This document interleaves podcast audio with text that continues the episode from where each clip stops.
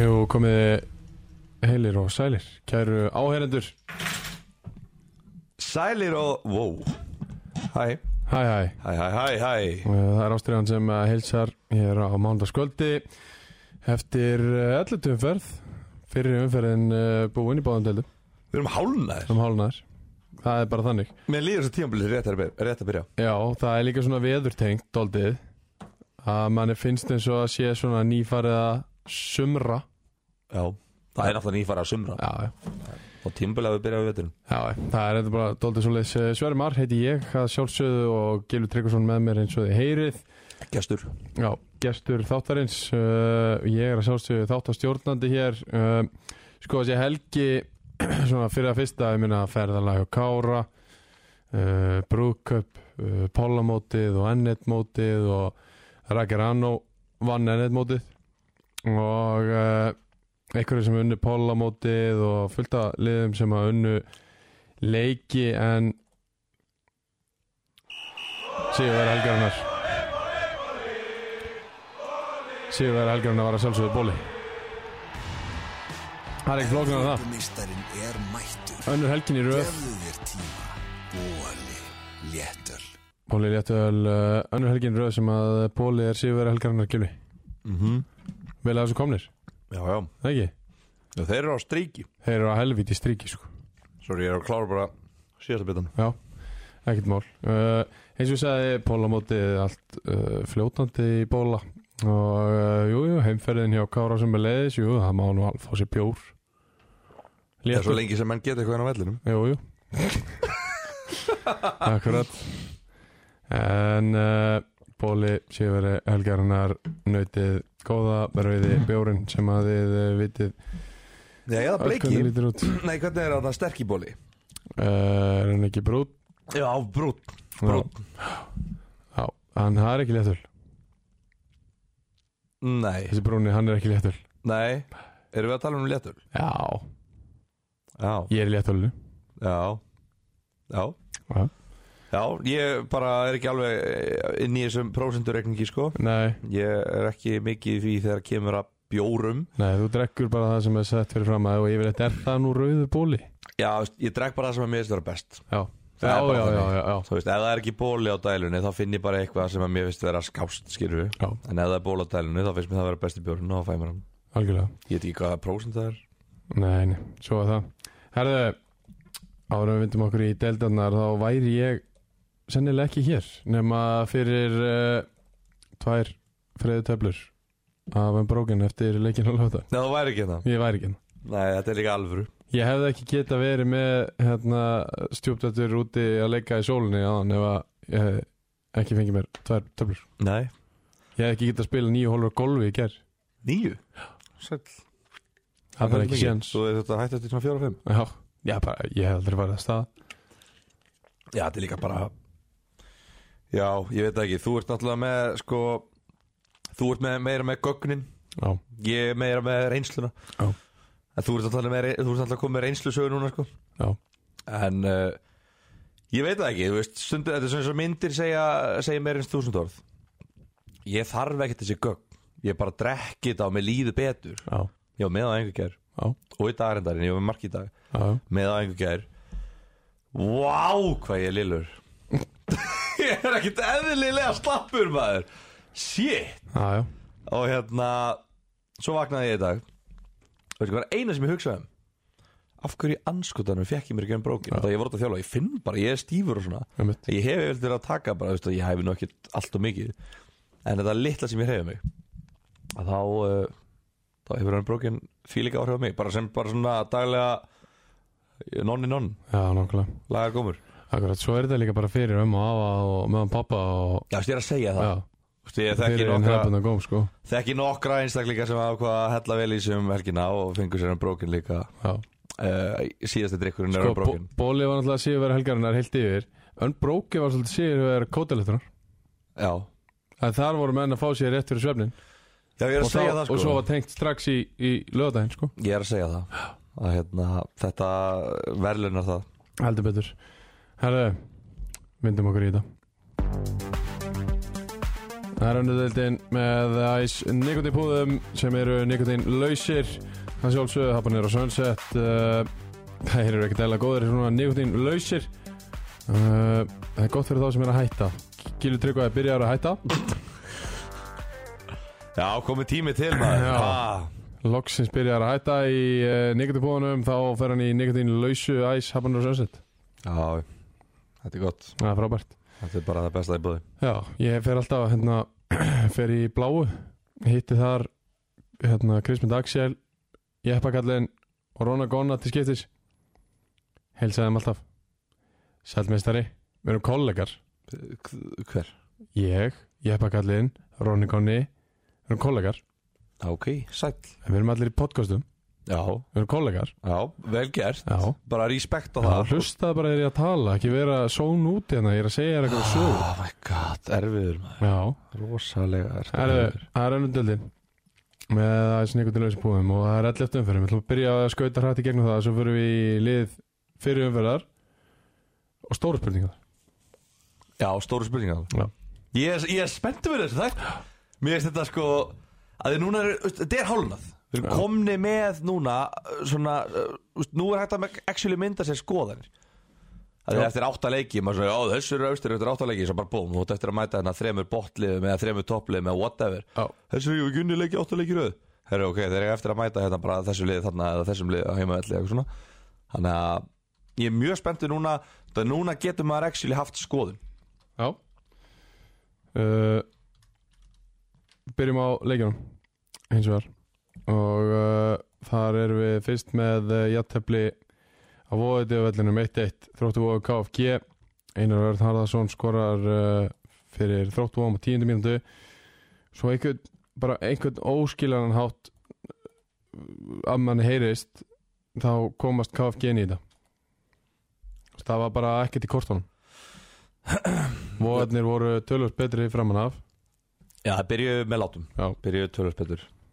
uh, Ólaf Bjarni Hákonarsson skorur á víti á 64 mínútu Já Lali Gum lætur þessi heyra 5 minút setna að bekknum Red card, Já, kongurinn, eigandi KFG stofnandi stofnandi og eigandi uh, Ég veit ekki hvað sko Hann hefur sett hitlingin á borðið þarna Já, Veit ekki hvað Björn Másson hefur muldrað þarna eftir Einmitt, honum til að fá einmitt. guld sko það En er mitt þetta, það hefur verið eitthvað Nákvæmlega eitthvað grjótart í, í kjölfarið Já, Já, nákvæmlega þegju þetta dómari Guld á þig það er eh, lokatölur 1-1 í uh, vonum sko, heilt yfir bara rist og rústilt fyrir KFG Já, þetta var Þetta var geggjað Geggjuð úrslit fyrir KFG Hræðileg úrslit fyrir þróttum Já, Þeir, they needed this já þetta var leikurinn sem að þeir þurftu að vinna Þeir verða að taka þessi gerfugarsliði þegar þau koma heim Já, já, Þeir verða að gera það 100% það er bara þannig uh, reyndar ekki lengar frá þessu eldur en þreim, þreim stegum en þetta er orðið sem mikill pakki sko.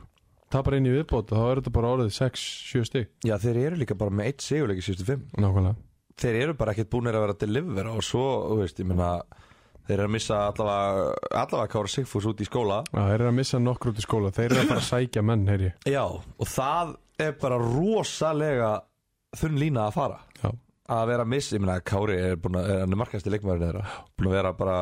mögulega þeirra besti leikmæður á tímanbylinu Já. að, að, mi- þú veist, hvernig ætlar það að replace hann? Þú getur alveg fengið eitthvað frábæra leikmannin en er hann að fara að fitta ak- eh, skilur við, þú veist, Já. það verður aldrei alveg eins en þú veist, annarkvæmt verður hann ver, ertu að fara að styrkja liðið eða það veikist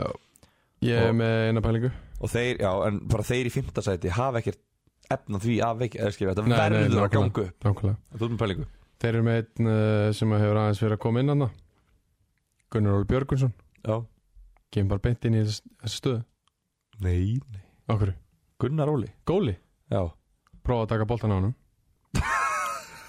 manaði Ég reyndi það uh, ég... ég, manaði að reyna að taka boltan á hann já, liðið mitt reyndi það einhvern tímann í februar, mars uh, á ásvöllum í æfingarleik gekk vel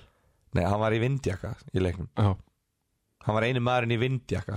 hann var bara að reyna að svitna þess meira heldur en hinnir Já, af Þetta var hverju- létt fyrir hann. Af hverju var hann að reyna að svitna meira en að hinnir að þetta var einfalt fyrir hann Aha, já, já, ég er ekki vissum að þetta sé byrjunleismæður í liði sem allar upp úr annar delt ok, Í dag sko, Ok. ég veit að hann er með hæfileikana til þess heilt yfir já, Ég veit að hann gæti alveg verið byrjunleismæður í Viking Ólásvík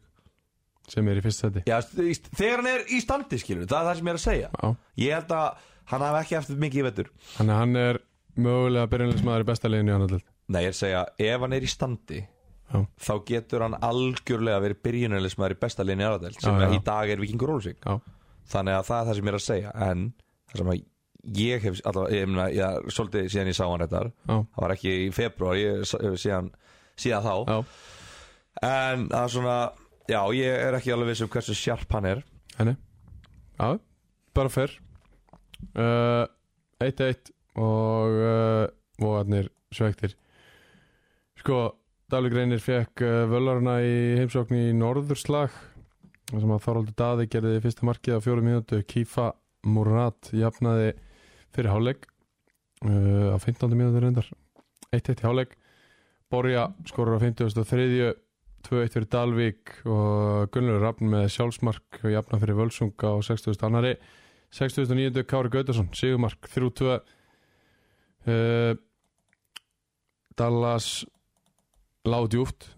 voru þétti tilbaka eins og þeir eiga til eins og þeir, uh, þeirra leikplan er þeir uh, unnu miðjuna í þessum leik eins og þeir ættu að gera í flestum leikjum sem þeir eru með ansi öfluga miðjum og það var það sem að skóp hennar sigur að lokum að vera með uh, yfirvöldin á miðunni já, já, er þetta ekki bara betra lið líka betra liðið Meiri- mannin og meiri leik gæði. já, já, 100% þetta þetta er bara enn eitt þetta er fjóruða skipti í röð sem við mætum þetta að tala um sigur ekki að Dalvík Já. þeir eru bara komnir ég meina, eh, að- að- að- við erum hálfnaðir við erum hálfnaður Þeir þeir eru eru fyrir ofan tveimur- þrótt vóðum sko Já, fyrir ofan þá og IR sem Já. áttu að vera tvö liðin sem áttu að lappa með þessa deil já, en þeir eru tveimur stigum frá promotion já, já, þetta er rosalegt ég er bara maður ákveðt lorð býtu bara eftir stóru spurningunum kallið minn Aha. já, Úf. er það bara copy paste frá Magga Böðpóstinum á ástriðspjallinu nei, nei, það, voru stóra það voru spurningar. stóru spurningar sko, jú, jú, ég, ég, ég við ekki það ég notaði það mér til liðsjónar að þetta eru stóru spurningar já, já, uh, frábær sigur á Dalvíkanna og, og þeir sína það að þeir ætla ekki að tapa öllum norðaslögunum ekki allum töpuðu fyrir fjallabæð sitt í þandir þetta já, já. uh, næsti leikur á KVF Park þar sem að eh, besta og efstælið deildarinnar kom í heimsókn eh, 0-0 og það verður að viðkennast þetta er í raun og veru bara sigur fyrir KVF já. með við hvernig þessi leikur spilaðist því að þeir fóru inn í eina leik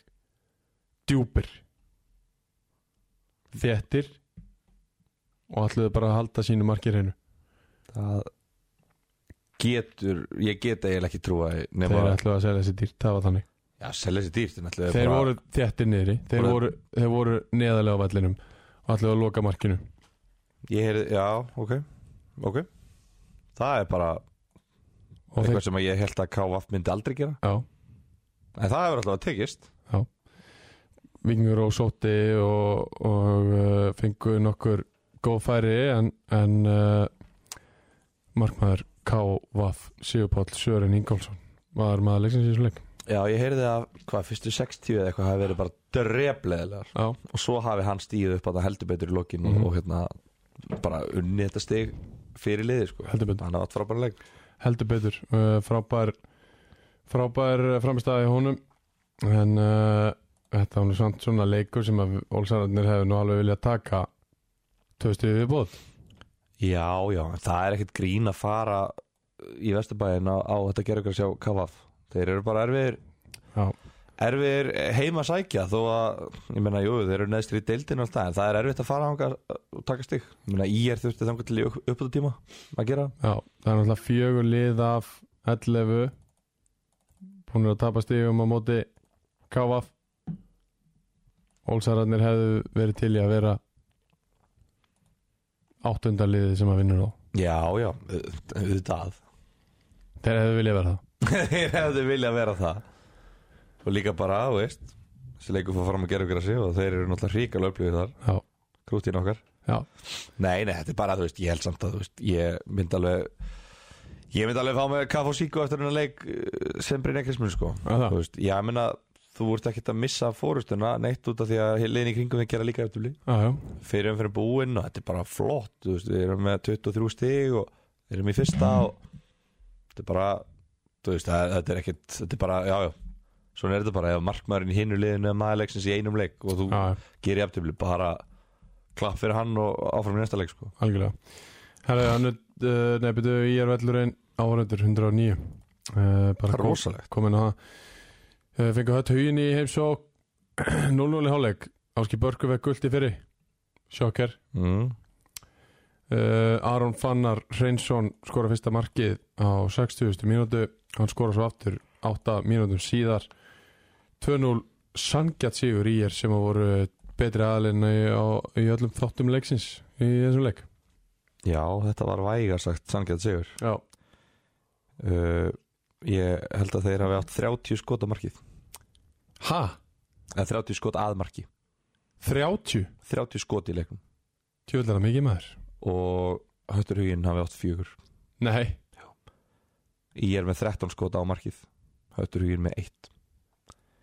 Þannig að það að tala um yfirburði hefur sjaldan átt jafnvel við og þegar við förum yfir þennan leik Já, Hjörvar Daði, ég veit að hann uh, bjargaði hattarhugin liðinu ansi oft Já, 11 sinnum Já, og nákvæmlega svo kannski greip hann inn í fyrirgjafir og hérna komið auðvitað annað þannig að ég meina, ef markmaður að vera 11 skot Já, yfirleitt myndi það leiða til leikmaður umferðarinnar já,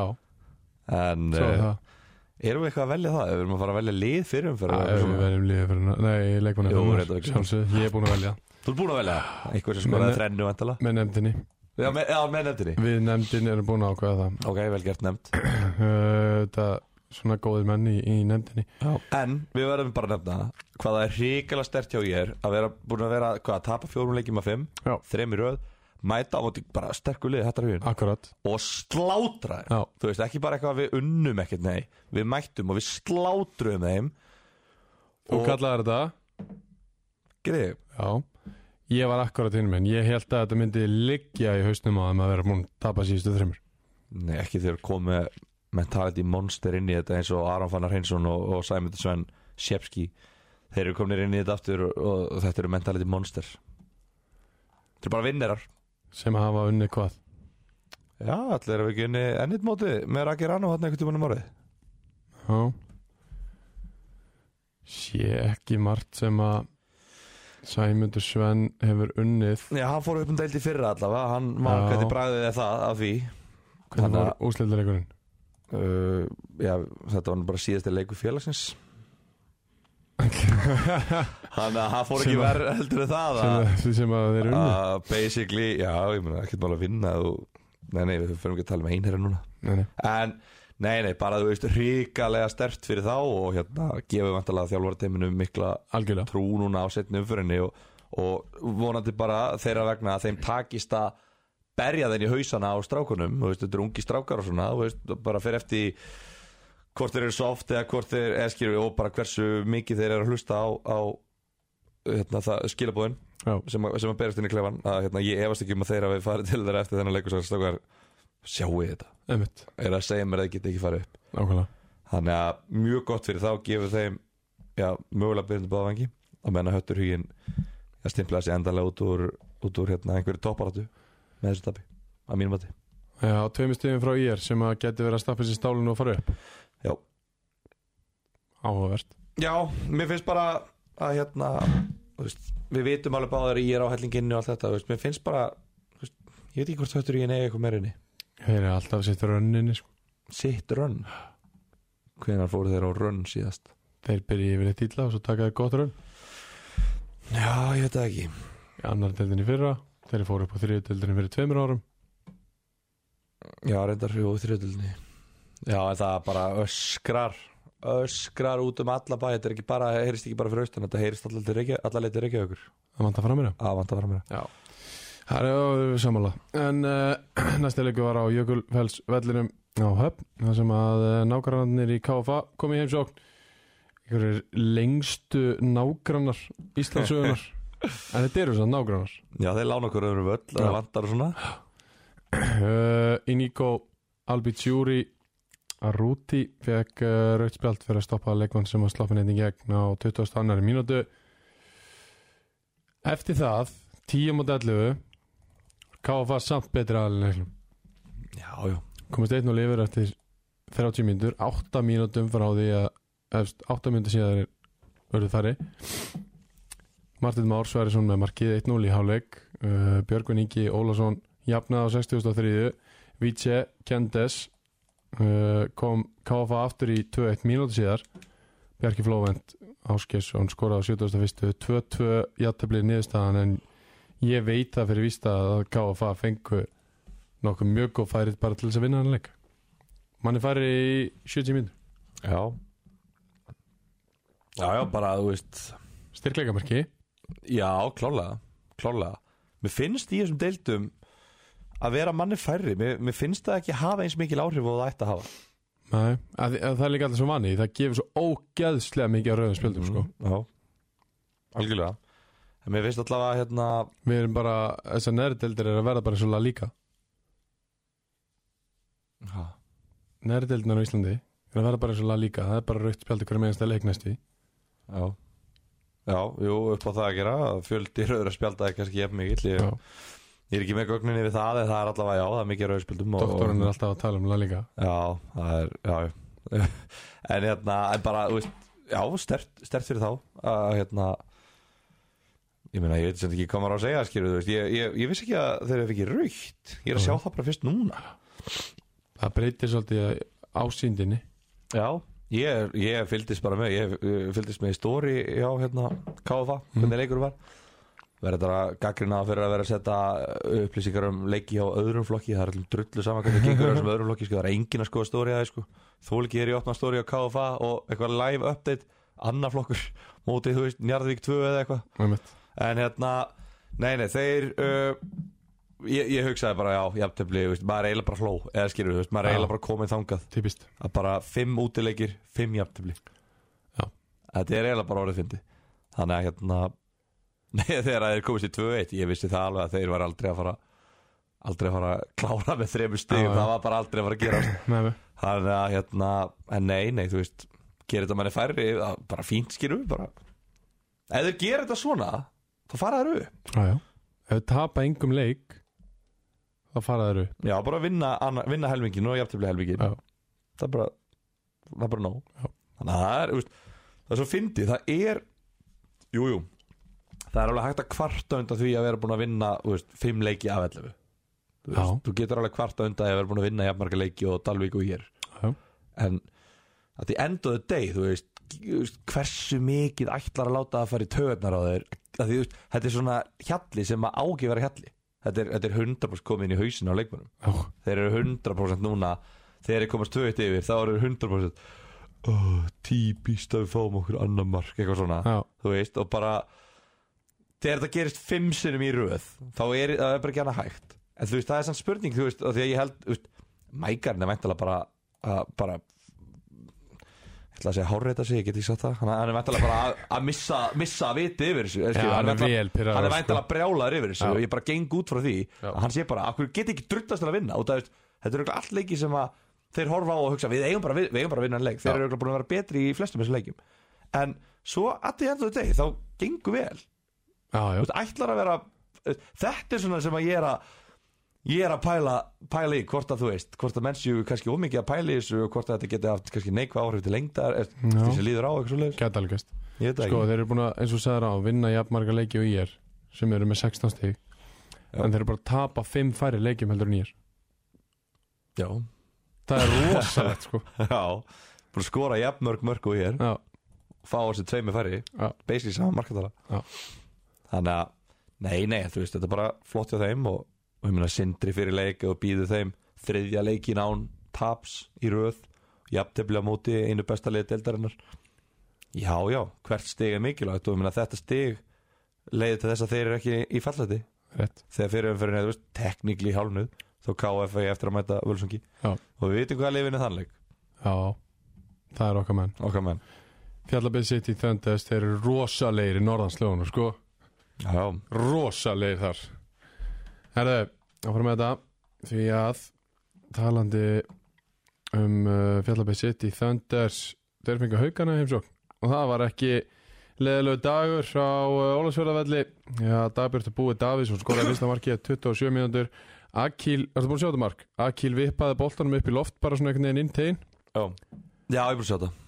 Tól- Hra- Hræðileg markmannsmistök Torfi Geir, hann lítur að hafa hort upp í sóluna hann, greip bara, hann hoppaði upp og greipi tómt mm, Greip í tóm, sko bolti skoppaði bara á aftan hann Dabert Búi setja nýju uppniti 1-0 í hálfleik uh, Alex Máni eftir bara f- svona semi-50-50 leik í setna hálfleik Já, kemur Alex Máni kemur uh, Fjallabbi sitt í 2-0 fannar Óli Friðleifsson vinstri bakurinn sem heldur áfram að skora búin að gera 6 mörk í 10 leikjum uh, ég minga munin á 83 mínútu lengra náðu haugarnir ekki 2-1 sigur Fjallabbi sitt í þöndu svo gilvi ég spyr þig hversu sætt, sætt var þetta þetta var Þetta var hrikalega gott Já. Þetta er bara Ég skil ekki hvað einhver var að kvartundaðinni að vera sitt í Thunderstuðnis með þér Já, ég segi það Þetta er bara Ég hef aldrei verið betri en eftir að ég gekk, í, lið- gekk til leysverta teimi Já, Já, búin að vinna þrjá síðustu 5 já, bara grænjur hlátri og erum að sæna besta leikmann í deildinni Hann er locked á meðan að hinlegin er að missa menn út í skóla og eitthvað svona Nei, nei, við lærum ekkert á Ólafsfyrir sko. Við förum bara í fiskin, Já. vinnum bara eða stopnum uh, fyrirtæki og rekum bakari og Já, það er sko Rakarinn Pakkarinn sér sælun selst á Ólafsfyrir Rakarinn sælun sko. og bakarinn sko. Já, já, já, já Það er hérna Já, ég er bara grændur hlátri Þú ert alveg búin að heyra triksið hans ekki Þegar liðin koma Nei, Nú þegar að hérna, ef að pungarnir og kleinunnar seljast ekki á mánuði Já súkulega húðan á þriði Já, já, já Það er selst gott. allt Þetta er selst það Þetta er mók selst Þetta mók selst þú En það er bara flott Og það er gott að gengur vel á annar staðar heldur en inn á vellinum Já, Veistu, ef, að, ef að við værum búin að spila núna Fimm leikja mót Ef að síðustu fimm leikinir hefði verið ein deild já Veistu hvað sæti KF væri? uh, Fjórða, Rétt takk Fjórða sæti í, í fimm leikja, síðustu fimm leikjum Það er bara frábært, það er lið sem fellur ekki Já Það er allavega Það byrja að blómstra Já, sólin er farin að skína fyrir norðan sko. þannig að nei, nei, svona, þú veist, öllu ganni slemtu sle, öllu ganni slemtu slemtu slemtu, öllu ganni slemtu að mínum að þið lélegasta liðið í fyrirumfyrinni Já, að mínum að þið er ekkit liðið lélegara í fyrirumfyrinni en það eru batamerki á, á hérna, leiknum og þeir voru að styrkja sig og, Já. og munu kannski styrkja sig enn frekar en þetta var nú bara verðskuldlega sigur já, hann var það ég veit ekki hvað það segir um haugan sko. kannski förum við fjöllum betur um haugan já, við erum náttúrulega fjöllum bæði leið núna Já, við erum að fjalla um þau núna eins og fyrir við líki stóra spurningarnar ekki glemma því já, við þurfum bara já. nú þurfum við aðeins að fara yfir haugana það er, uh, það er breaking point hjá þeim Förum yfir haugana í Stóru spurningum. já, það Herðu, káða bara flottir KF flottir í þessum leik uh, Leikmaður umferðunar Ég bóða æs Nikotin Lausra Púða Það er markvörður KVAF Sigurpáll Sören Ingólfsson hann er með leikmaður umfyrir hann Hann er leikmaður umferðunar, helt reynum á besta liðin deildinni já, og hvað var hann, 12 skott Sennilega, 13 sennilega nei, hann var því svona fjögur Hann bara var með hjúts hjúts vöslur, ég meina hinn markmaðurinn sem varði allu, hann fekk tvö mörg ás og tapaði leiknum tapaði leiknum Já, hann, ha, reynda að verja skott frá Arnu Fannari láta hann skjóta á það og reynda að verja það veitu hvað er þetta frændiðin úr árbæði? reyndu það bara, gáða hvað gerist ég skal reyna að ná Ef hann er boltanum svona að góla góður, okkur hann ekki að spila með Förum Arba við keppni, hvora undan, ég hann á boltanum á góla í vindjaka eða þú að verið skot frá Arunni Fannar Hreinsinni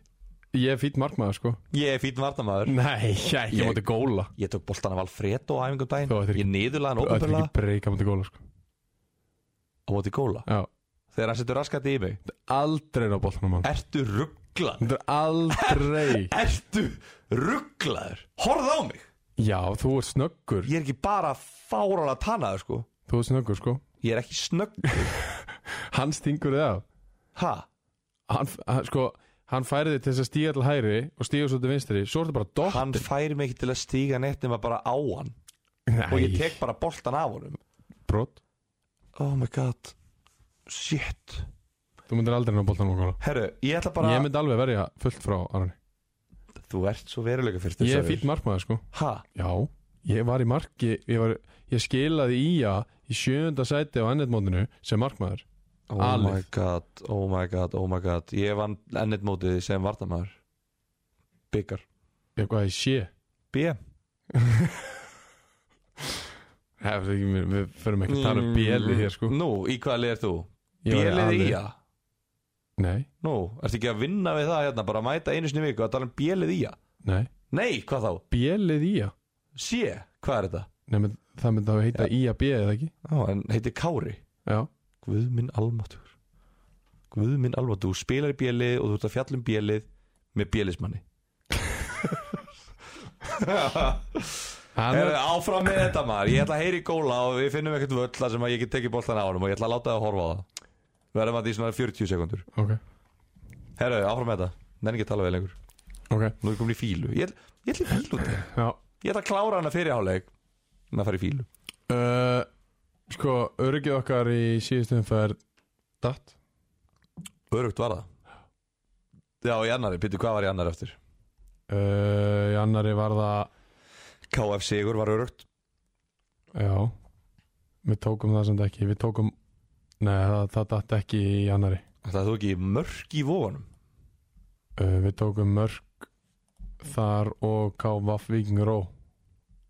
Eða, í- nei, við tókum mörg K.V.A.F. Vikingur Ó Og í er höttur hugin Mörkin maður, þau leit ekki sjá sig Nei, við lítið ekki sjá sig En það, það datt, öryggið datt í þriðu Já, Það er þannig það var örugt Það var örd uh, uh, Við tökum tö, hérna, Spáum ekkert í alla tóltum umferð Tökum bara t- tvo safe Tveir safe í tóltum umferð KFA þróttu vógum, það Það er rosalega er rosalegur leikur. Víkingur og vinnur á teppinu Á móti hættu í inn Þeir vinna, þeir eru búin að vinna alla heimileikinu Já, þreytum þar Já Og Ég, sko, KFG mun held ég hefna fyrir hefna fyrir tapið á Dalvik Gæti KF mun held ég ekki tapa á móti sindra heldur, sko Já, En ég veit ekki hvað er örugt þarna, sko völararnir eh, Þeir elska mörg Í er völsung, völsungur í er Yfir 2.5 uh, Já, mögulega Það er mörg í öllum völsungur Já, sko, ég ætla að koma með þann punkt núna, mm. bara punktur Völsungur er stíið frá falleti Já. uh, Þeir eru sjö heimaleik eftir Og leikti góða Já, leikti góðan alltaf en, en þeir eru bara búin að spila fjóra heimaleiki Já. Sjö heimaleikir eftir í, í setni umfyrinni Á PC velunum Það er, Þeir falla ekkert sko nei ég er eiginlega bara að fara að kveikja fyrir vindli fyrir þeirra hönd Já Og Það mikið með það, Völsungur Þeir Já. spila aftur í annar til ári er KVF bara að fara niður? Ég er búin að segja þér það í allu umferðir Nei, þú náttúrulega spáðir þeim hvað, fymta? Já, svo sagðið mér eftir fyrsta leikin Það var en way off Já Já, Það var fyrsti Og núna er allu umferðir búin Já, svo er þetta breytti ég eftir 2, 3, 4, 5, 6 Ekki ég Þú helst í þitt Eh. Já. Já. Herðu, segjum við í næstu umferð Vingur og vinnur og Völsungur og ég er skora samanlagt fleiri en 2.5 mörk. Það er bara svoleiðis Já. Herðu, förum í lið Annarar deildar í fyrirumferðinni Fáum svo stefi í þetta Já, mamma ramma ramma, Æsliðið. mamma ramma Æsliðið í annar delt í fyrirumferðinni það er þannig skipað og við byrjum á markmanni í markinu Ætor González González markmaður Vikings Ó hann er hann að verðskulda sko ég var alveg að hugsa Magnús Pettersen KFG, Já, sex leikir, fjögur mörg á sig búin að vinna allan með einn held ég, Eh, eh, ekki búin að tapa a- hann er tablis í 5 af 6 held ég, hann er bara búin að breyta liðinu hann er búin að því Bara með fullri vinningu fyrir Eið sem að, öðna, var í markinu fyrir Já, þetta og Krissi byrjaði Ná, Jú. er það? allavega fyrsta leikin Chris, er það? Var hann ekki hættur bara einhvern veginn í vetur? Hann spilaði fyrsta leikin Já, já, en allavega, hann, hann kemur inn og bara neglir þetta En Aitor González González er markmaðurinn í efsta sætinu og hann eh, er í liðinu uh, Hæri bakur er, er Kári Gautarsson hjá Dalvik hefur komið mjög öflugur inn í þetta og uh, búin eh, að gera nokkuð mörg og allt það búin að vera allt í mjög kringu það flottur vinstri bakkurur er einn markaðasti leikmaður deildarinnar Fannar Óli Friðlefsson Já. kom engin annar til greina í vinstri bakkurur Mikael Rapp búin að vera flottur en hann er ekki búin að skora 6 mörg í opnuleik Ég held reyndar að fann að sé bara komin með 5 Ég held að það sé með eitt mark og mikið skráð á sig veitu, En, en hérna ég annars, tek bara það sem er skráð Já, ég get ekki verið að eitthvað rengja dómarana nei, nei, það væri nú Þeir hafa nú rétt fyrir sér já, mér er aldrei dottið það í við Nei, nei, nei, fjöldum kannski maður nánar það eftir Hafsendaparið, Já, Arkadísján, Arek já, Káfa já, og uh, að gleðu mig að kynna að Sigur Gunnar Jónsson er þarna hliðin á hann já Hann er þar Já. Ég er bara, hakan er bara í gólfinu 2004 mótel Já, hann er búin að vera ríkarlega flottur Efnilega leikmaður og efnileg manneskja Ég myndi segja að hann er hættur að vera efnileg manneskja Ég myndi segja að hann er orðin góð manneskja Já. Eskir, hann, er bara, reyndar hann er bara orðin geggja, geggjöð manneskja Já. En inn á vellinum Hann er bara mjög segur Já. Og ég er bara hríka lánað með hvernig hann er að koma inn í þetta, þú veist, í annar deild og bara, bara flott, skilur við spilaði flesta leikinu í þriðu í fyrra Já, þetta er bara sem ég, hann er bara, þú veist Hann er ekkert töff Nei, hún er með drullu sem er töf sko. Nei, veist, þetta er engin töffari Nei, En mér finnst hann samt svo mikið töffari inn á vellinum það, mér finnst alltaf mjög töf að vera bara real Já, já, þú veist það, og það sem okkur finnst vera töffari Já. Hann er það Já. En það er alltaf, er ekki töffari skilur Nei. þú veist, Það er, töfarið með klakana hann er með tattu Hann er ekki með raukt hár, hann spilar ekki í svartum Góða aflitaður múndi í alls góðum sko, um, skilur við. Og Siggi mæti bara hann skilur við. Hann var bitin í leikum daginn, vissir það Nei, ha? Hann var bitin í leik með örflokki What? Fyrir kannski nánar yfir það Svolítið skriði Off air Það er svolítið skrítið, herru, vörnin er þá svona Tveir djúpir á miðunni, þeir eru þungavittar Já, Heldur betur Þetta getur verið, við getum verið að tala um lið ásins í lengjutildinni Já, Unnarari Kannski Hansson, næsta ári Unnarari Hansson í KFA og uh, Luke Williams Bingo Já, Þetta eru bara eiginlega tveir bestu miðum með deildarinnar Já, bara máttar stórparnir í bestu liðunum Já, Bestar, best, Tvö bestu liðin í fyrirferinni Já. Þetta eru, mó- þetta eru mó, mótorarnir rétt uh, Friggja manna sóknarlína undir strengarnum er uh, Bræði Karl búin að gera 11 mörg það væri einhver tilbúin að segja að hann er nú bara búin að vera að skora í 2-3 leikjum ein ferna, ein þrenna, ein tvenna það ekki? Jú, mögulega, heldur sem bara skori 5 eða 6 leikjum Já en ég meina hann er búin að skora 11 mörg Já það er, þú tekur það ekkert af hann sko Ég meina, hafa með 9 mörg eftir 4 leiki Já. Þannig að hann er með núna með 2 mörg í síðustu 7 hann skoraði þessi nýju í 3 leikjum Já En þú veist, það er samt einn þriðji eða einn fjóriði af umfyrinni Já, já. Það er bara dröllu mikið sko Þannig að, já, ég held að það hefur verið helvíti hart að slepp honum Já, Það er rétt, uh, Borri López Laguna er í hólunni eins og þú varst að tala um máttastólpa sá er búin að stígu upp sá hefur Stígu, stíðust stígu upp bara, þetta er bara, bara, bara, bara að vera geggja þér Hann hafði ljótu um sig til að byrja með Já, svo hefur hann, hefur hann svoleiðis rokkið í gang búin að skora sjö mörg og er uh, drifkrafturinn í þessum sóknarleik hann og, og núna er hann að fá Háka Sólason meira fyrir fram að sig og það, sko, við erum að fara í stórspurningan það tjóð geti ég ekki beðið uh, á kantinum hinum einn Ólafur Bjarni Hákonarsson já Já. Heldur betur Já. Heldur betur hann er hann Úlaf Bjarni Já. Djöðlega hann búin að koma skemmtilega inn í þetta KFG heldur betur og það sem ég hef heyrt nefnilega er að hann hafi aldrei verið í betrastandi og aldrei verið betri Hann hefur aldrei verið betri hann hefur spilað í lengjudelt heilt tíambil hann hefur spilað í annar delt með Njarðvík heilt tíambil Já, en hann hefur aldrei verið betri heldur en akkurat núna með KFG þannig búin að vera frá í tvö ár og eitthvað svona bara geggjaður Já, bara fullkomnar uh, sóknarlínuna uh, upp á topp Jónatan Bardal Jóni Jóni Bardal Jóni B, einhver myndi segja að það var illa vegið að, JB að uh, byrna Axeli Já, einhverjum myndi gera það já, kannski bara, ég veit það ekki allir áhuga mennum fótbolta já, á hverju Björn Axel Já. sjö mörg ekki nóg Fimm mörg í tveimur leikjum uh, já, ég er að spila hérna í liðinu sem er besta liði í deildinni uh, ég er markahæstur í liðinu í besta liðinu í deildinni það er ekki nóg ég get, Tvísjá verið, leikmaður umferðanar ég get verið markmaður sem fær á sig sjö mörg í einum leik Það var flúk Var, spilaði hann þann leik? Það lítur að vera Er það? Hvar, hvena var þriðji markmaður þeirra í leiknum? Uh, Ædor var ekkert að spila þann leik Aron Eli, manstu? Ah. Gunnar Bræði var ekki einu sinni þá já, sjön og leikin Ég geti verið markmaður og fengið á mig Já, það var bara búin að fá sér tíu mörg eða eitthvað Auðvitað er hann í liðinu Já, mögulega Allavega, ég Jónat Barða er búin að spila áttalegi Ég skora hvað, fjögur fimm mörg Fimm mörg Já, veist, þetta er náttúrulega bara Argjóbli besti leikmaður Og deildar hann er ekkit bara búin að skora þessi fimm Hann er búin að leggja upp örgla svona átta Veist, Hann er bara basically KFG Já,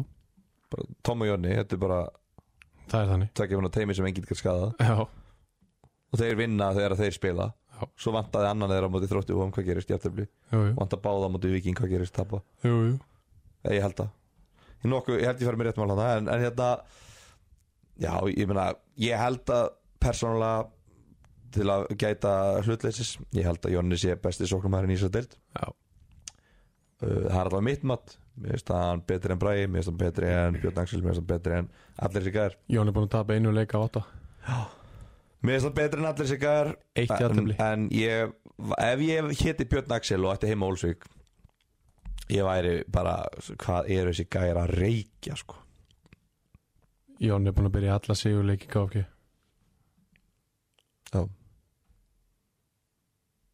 Björn Axel er búinn að byrja alla vi- sigurleiki vikingjóflsleikur sem eru fleiri Jón er búin að tapa einu leik KFG er búin að tapa þreymur Björn Axel er myndalari Nei, nei, ég veit það ekki Við Sko- veitum ekki hvað að leggja mat á þetta Nei, nei Þeir eru báðir, þeir ættu báðir heima Já, þarna, og ég sko, meina, við Björn erum Axel, Björn Axel getur ekki hérna, komið hérna og sagt já, þessi eru hálfvitar í, í ástriðinni Gæi, við veljuði leikmannu fyrir hvert eina skipt sem hún skorar sko. Já, reyndar það er þannig, það er ekki eins og við séum í ykkur með eitthvað að tjenda gegn honum sko. Nei, nei svona er það, Við Já, þurftum að já. velja. Nei, nei, menn, við þurftum að velja nefndin fekk þetta uh, fyrir fram að sig ef, þú- ef þú þurftir að velja á milli þess að vera ekki í liðum fyrirnar en vera markaðist í leikmaðurinn í besta liðinu eða að vera í liðin fyrir hann í liðu fyrir umfyrirunnar en vera samt í þriðasæti Ég veit hvað myndi Já, þú myndir velja liðu umfyrirunnar Herra. Framapótari, þá förum við alltaf í fjölmjölum Já, hratt í þetta Ædó Gonzáles í markinu, Kári Gauta, Arek, Siggi Gunnar uh, og Fannar Óli í vörninni Unnar Ari og Lúk Viljans djúpir á miði, Borja fyrir fram að þá og á köntónu bræði Karl Ólafi Bjarni Jóni Bardal upp á topp, svo erum við með nokkuð sjátt hérna, Handa Mátni búin að gera sexmörk, Kári P. búin að vera flottur þegar hann hefur spilað uh, Kári Sigfússon búin að gera sjömörk, einhverju hefði viljað hafa hann hann Já, árbærin, það er jarðskjálfti í árbærin núna Já, ég veit. Það er búið að vera jarðskjálfti um uh, allt suðvestur hodni. Þröstur Mikael er búin að vera frábær í Dalvíkuliðinu, Heiða Snæri hefur átt góða spretti og Martin Már líka í, í KFA. Hann er bara mjögur Björn Axel auðvitað eins og við töluðum um og uh, Mikael Rappn eins og við komum inn á hann í vinstri bakverðinum en þetta lið því verður ekki breytt hér hann af. Nei, það er okkur ljóðast Við förum í stóru spurningarnar og við fáum Stef Stóru spurningarnar með Unbroken í annari delt Gilvi, ertu tilbúin? Heru, ég, er, ég er ekkert eðla spenntur ég, ég fekk ekki að heyra þessar spurningar á hann Tvær spurningar í einni til að bæra með Sæll, ok, byrja, ég ætla að setja staðis upp rétt Já. Ég þarf að vera fókus þeirrar Tvær spurningar Já. Falla haukar og klárar allir sveit tímanbili uh, Allir sér klára tíðanbili, já Af hverju á hann að klára tímanbili? uh, hann klára tíðanbili ég skal koma ég skal koma nánar út í það setna, út af því að, eða setna bara núna eftir smá Ok, uh, falla haukar, það er hins vegar spurning sem ég get ekki svarað eins hratt nei, uh, ég er nefnilega, sko, völsungur með sína sjö heimaleiki og leikti góða Þeir fara yfir þá með þessum leik til góða ef þeir skildu vinna hann Ég meina, Káar erum við- fjallabið sitt Sitt í þöndir sem er náttúrulega rosalegir í Norðurslóðunum Já, já, Völsungur er með tíu stíð eftir tíu leiki, þú veist Með við það þá gera það jafntöfli og þá fara það með allu stíð úr umfyrinni Já, En þeir eru sjö heimaleik eftir Og það eru fjóri sigrar Þannig að þeir eru með 22 stíð, þú veist Svo náður í 1 stíð út í velli, horfðu bara komið 22 stíð hefur eiginlega alltaf verið Já, já. Stíðleikir eiginlega alltaf limitið Þannig að Völsungur er að fara að ná því Haukar, þeir þurfa að vinna þrjá leiki í setnum fyrirni mm Uh, þeir eru að voga úti Dalvik úti, Völsung úti þú veist, þeir eru að sindra úti, þeir eru að fjögur erfi ferðalög eftir Já. þeir eru að í er heima, vond Já. KFA heima, vond Víkingur Ólusvík heima, vond Höttur Hugin heima,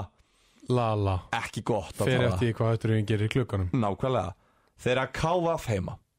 Ok, þrjú stig þar En það er núna á fimmtudaginn já þannig að það er sigurleikur þeir eru að KFG úti þú veist, erfitt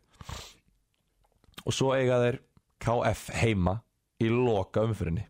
Vá, haukar KF á ásvöllum vá ég horfa á þetta ég get ekki með hreitni saminsku sagt að þarna séu klárlega þrýr sigrar Nei, ég get það ekki þeir eru þrjá leiki í fyrrumfyrinni en þá fengur léttulegin í þess að deild það er rosa lítið að léttum fengur þau á heimall þannig að ég svo, þetta er ekki gæti eða gæti ekki Kanski eða kannski ekki Þetta er já eða nei spurning Fuck, í Fall- alvörunni? Falla haukar í alvörunni Já. uh, ég bara málega er ég nenn ekki að Þú veist, af Því þú ert með eitthvað agenda gegn þeim Þú, veist, Nei. þú, þú ert persónulega á móti haugum Það er svo langt fyrir Ég hef persónulega ekkert á móti haugum þá Ekki heldur þeir eru eitthvað, þú ert í einhverju jihad við þá og, og þeir, þeir láta þig heyra það þeir eru líki stríðið við þig Sko, ég er ekkert inn í þeir Má ég lesa eitt komment hérna frá manninum sem allt veit hver er það? uh, hann heitir Ágústur Ágússon oft kallaði framtíðin Já. Ástriðu bræður spot on með hauka fengu mikinn hita en eru að kveikja sér í vindli right now Já. Takk fyrir það framtíð Já, ég meina áttunda sæti, þú veist, við spáðum þeim því þannig að þá falla þeir náttúrulega ekki ég, nei, veistu ég, nei, þeir falla ekki Hverju falla? Sindri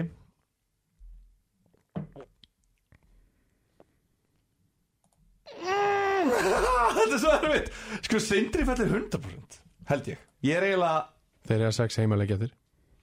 Já Búin með 5 Tveir sigrar ö- Öll fyrir öfrinni Nei, það er öfugt Unnur er ekki Þeir útileg eru Unnur að fimm heimaleiki, Já. sex útileiki Búin með þeir, 6 heimalegi Unnur er ekki KF úti þeir eru með eitt sigur og eitt jættibli á útivalli, jú Eitt sigur og þrjú jættibli á heimavalli Já, þeir eru með stigi leik á heimavalli Svo var, ég held að sindri falli Það er bara, það er bara Það er ekki gangur nú vel uh, Shit maður K, sko KF er ekkert búin að bjarga sér sko KF? Já Nei, mér sýnist ekki Nei, þeir eru ennþá í fallseti sko Já, já, Sko Fer eftir því hvernig Sító kemur já. Kemur inn í þetta Ég held að Sindri og KF séu líklustu liðin til að fara niður eins og stannir nú Ég held að haukar og káfa falli sko ferðakostnaðarinn í annari dild mætti ekki við því að þau myndi falla Ég veit það þá það bara, þá það bara að leggja þessa dild niður sko. það mun ekkert leikið að vera í þessa dild Með, svo við komum okkur kvötu upp í aðra dild Já, þá þá komum við blö shit maður, þetta verður rosalegt ertu komið með blöð Já, blöndós Það er bara auðda blöð, nei, hann er á sögurkróki já, já. nei, nei, hérna já, haukar og káaf Já. það er rosalegt sko, já, Ég veit Pældu í niðurlæðingunni ef að haukar falla já sko, málið er þetta, ok. er bara, þetta, þetta er bara stórt Þannig sé stórt félag á höfðborgarsvæðin já, sko, við verðum núna Bara hérna, með fulla yngrisflokka og allt til alls Já, þeir náttúrulega bara ótrúlega spesaði falla Þeir, Þegar, þau, þegar þeir voru í annar deild fyrir nokkrum árum já, og lið sem heitir HK með þeim já Hvar eru þeir í dag? Ég veit. Hvar verða þeir eftir þrjú ár? Já Já, Þeir verða bara með uppalda leikmenn og gegja lið eftir þrjú ár já, náttúrulega stærra hverfi Já, það hefur stækkað Já En þeir eru að fá höll Haukarnir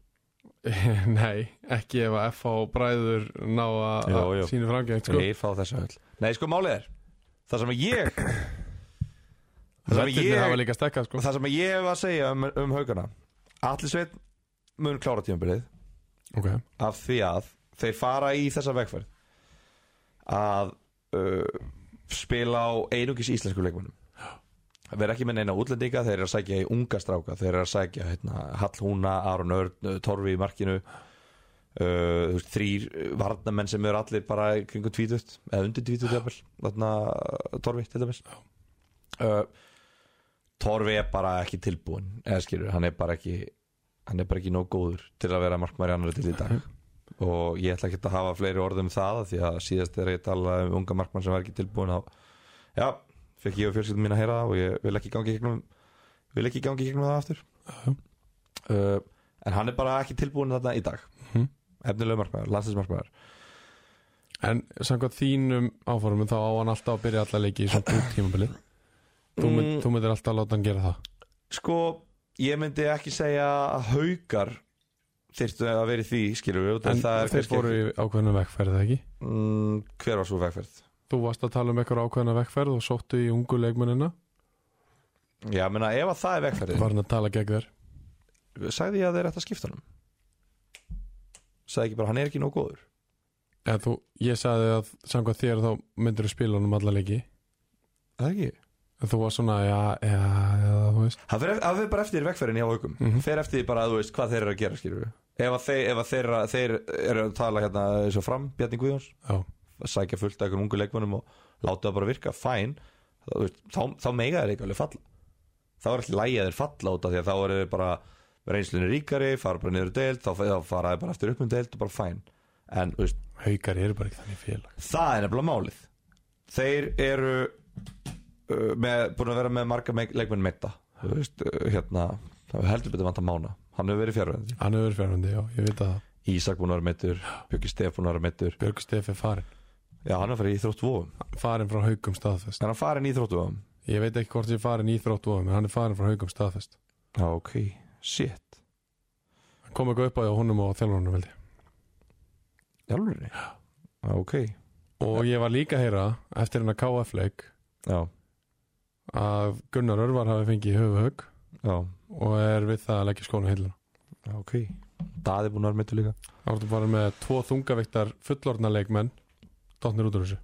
Já, en þeir eru búin að vera ópnir með meisl Já, Samt sem aður Þú veist, við verðum, að, við verðum bara Algjörlega, að vera algjörlega. sækjandi með það algjörlega. En það sem að þeir eru að fara í núna eru róttakar breytingar Ok. Þeir eru núna með veski á lofti Já, og þeir ætla að kaupa leikmenn í glöggunum ok. og þeir eru byrjar það er hérna þeir eru byrjar að ringi leikmenn og, og hérna leikmenn sem eru ekki tvítugir og, og hérna til í að koma þarna frýtt og, og vera ekki nógu góðir og fá reynslu þeir eru greinilega að fara út af því þessuna einmitt, tengt þessari vegferð þeir eru greinilega að fara út af því spori og Þeir þeir, basically eru að panika. eru allavega að játa sér sigra af því sem þeir eru að gera, það er Já. mitt mat Já, já. mitt mat er það, þegar þeir eru byrjar að ringja í, í leikmenn og, og hérna segja við leikmenn eh, heyrðu, hérna, við eigum ekki mikla peninga en se- skrifa samt bara tölu á blað og við sjáum hvort það get ekki gengið Já. við erum bara, við erum bara að borga hérna einhverjum einum eða tveimur leikmönnum en þetta bara er ekki að virka, þetta bara gengur ekki og nú ætlum við bara að byrja að borga leikmönnum og bara settum bara niður uppæð og við bara kúkum mér finnst það vera þeir að, ég allavega þú veist, ég er ekki að segja að þetta sé eitthvað neikvægt þú veist, þeir eru allavega að játa sig sigra og sætta sig við það að Þetta- þessi, þessi leið er ekki að ganga Já, þetta virkar sem frekar örugar heimildar. Þetta er með eitthvað nöfn. mm, nei, Nei. Ok. ekki þannig Heyrður bara frá einhverjum að þeir hafi ringt í einhverja leikmenn og sagt, hérna, skrifaði niður. Já, eitthvað svo leiðis eitthvað svoleiðist það ég þekki einhverja, einhverja menn sem að hérna, Myndi mig á næst, fyrir næsta ár að vera ekki með þjálfara með mér í ástæðinu. eitthvað nei nei en hérna nei nei það er bara skemmtilegt að hérna sí, jú, jú, ég, get- ég meina kannski, já, kannski skemmtilega við að ef að maður er þjálfari hérna Æ, ég veit það ekki Nei, ég ætla ekki að fara Ég, ég ætla ekki að, nei Nei, nei, en við getum, ég skal, við getum farið betur yfir þetta á eftir Já. Ok, sko. Uh, Hauk- þú sagði nei, haugandir mun ekki falla og þú sagði að allir sveit klára tíumli. Ég meina fyrst, a, a, a, Sko, sko þú mátt ekki halda fram. eh, Víst Nei, þú Af því þetta þeir búið. ætla að setja svona mikla pening í þetta Já, Af því þeir ætla að byrja að dæla inn leikmunu já, þá er át á að allir sveit færi þetta tíumli. Já, Já, já, ég skilji. Skilji. Ok. Hvernig tapar KFA? Næsta, næsta spurning. Hvenær tapa káfa Heru, Þetta verður svona fjögra tíma langur þáttur Við erum ennþá í annar dild Já. Við erum í stóru spurningunum. Já, þeir tapa múti KF, Ólsvið Bara, já, eins og bakarinn sagði, bara 25. júli Já. Ok, ég held að það fari í aðtefli Ég held að KFA tapi ekki fyrir inn í grannarslagnum á móti eftir huginn 10. ágúst Þú ætlar að velja þannleik til að tapa Já, ég held að þetta verði leikurinn þar sem að höttur huginn mætir til leiks Já Þú Þetta sé þannig leikur er búin að bóka það hjá þér, 10. ágúst Þá mæta þetta leiks Já, eða, þú veist, þetta er bara svona típisku þannig leikur skilur Já, Svo KF þeir voru búin að tapa 6 í röð þeir mættu Dalvik sko já, já Eða eitthvað þannig Um, ég, Ég, ég held, held að ég held að þeir gætu líka alveg bara að tapa strax í næsta leika mútið þróttu vóðum sko. Þú veist, þeir eru að fara í erfitt prógram Já, já. K.V.A.F. Fá þróttu um heima Já, en þú veist, þr- særið það þróttu vóðum og þeir eru á þeim stað núna allavega þróttum ekki tapa sem leik Þetta Og- verður ég að dæmli Mögulega, en þeir Þetta eru erfiði tveileiki framöndan hjá K.V.A. uh, Heldur Viking Vikingur Ólusvík út og enda í efstu tveimur setnur Sko, ég er, ég er eiginlega bara svolítið að komast þangað sko. Mér sýnist það Nú, Þeir eru að IR eftir á heimavalli KFG eftir á heimavalli Já. KFA eftir á heimavalli Já. Þeir eru að þessi þrjúlið kringu sig eftir á heimavalli og þeir eru búin að vinna alla heimaleikina sína Já. Og Við erum að tala um að þú þarf kannski 14 sigra til að fara upp Þeir eru komnir með 7 Eða þeir vinna þessar 6 heimaleiki sem þeir eru eftir ára komnir með 13 Einn umtilegur Já. En þeir vinna kannski ekki öll þessi lið heima en ég, ég Þeir eru alveg vísið til þess Já, menn, þú veist Þú er kannski að horfa í fimm stiga fórust á þrótt vóum Fimm stig er alveg fimm stig mm En ef að þeir tapa með þróttu vóum Þá er þetta orðið tvö stig Þá er þetta bara, Erfitt já Ekki búið, En svo, erfitt já, en svo, þú veist, ég Jú, er ekki bara þessi tvö liði líklaust til að fara upp eins og er KFA og Víkingrú Jú. Ég held það uh, Og næsta spurning Hún er stór Endar KFG í sínu þriðja sæti Hm, Á markatölu, þeir eru strax Fimm mörgum eftir í liðinu fyrir hann uh, Þeir eru þriðja sætislið Það skiptir ekki máli hvað deild þeir eru Það er rosalegt sko Munu þeir enda í þriðasti? Mm, Nei Okkur?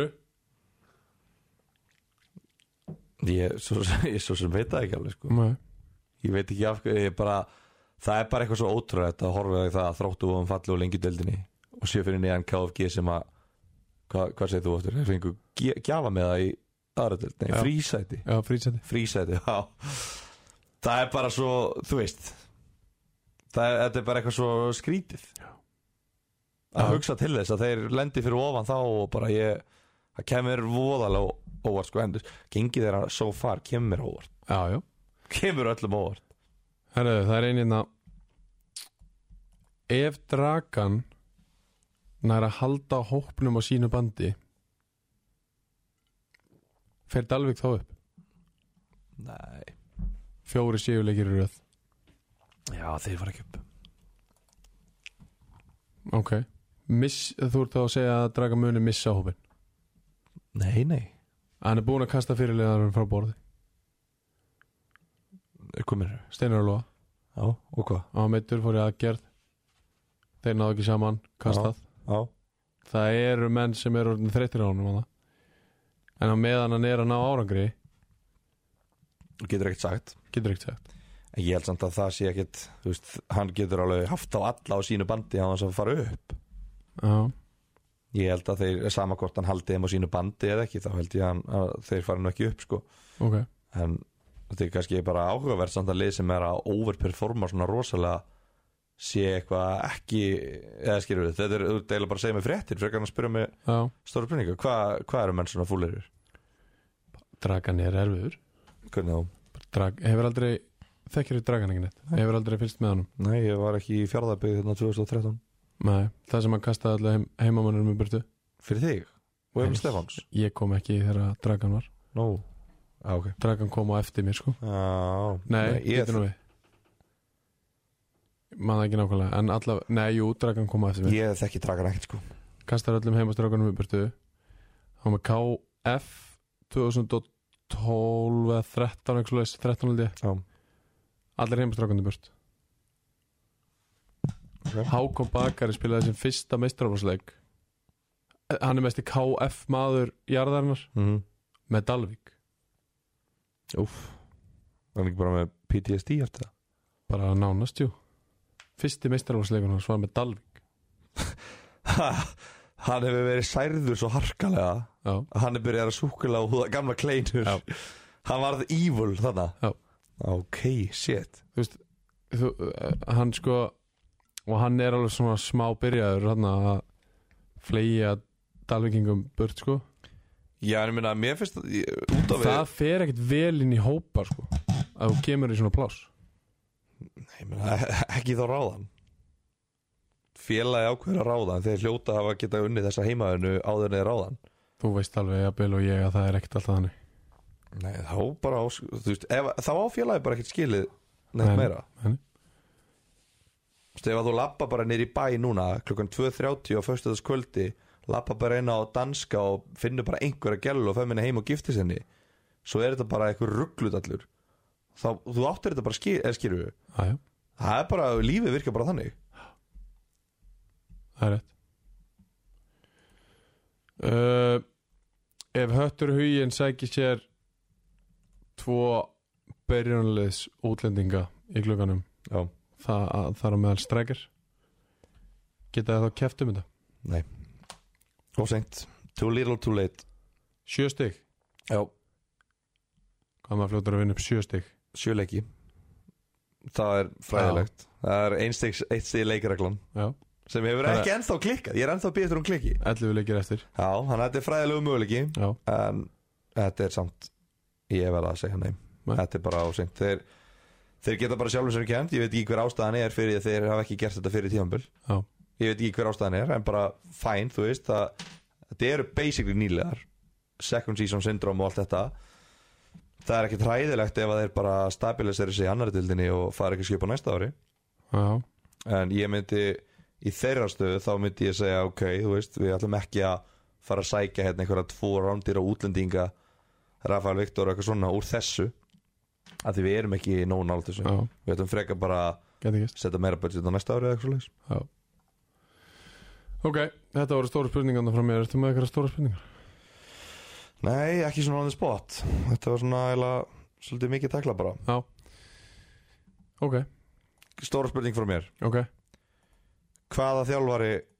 verður látin fyrstu fara?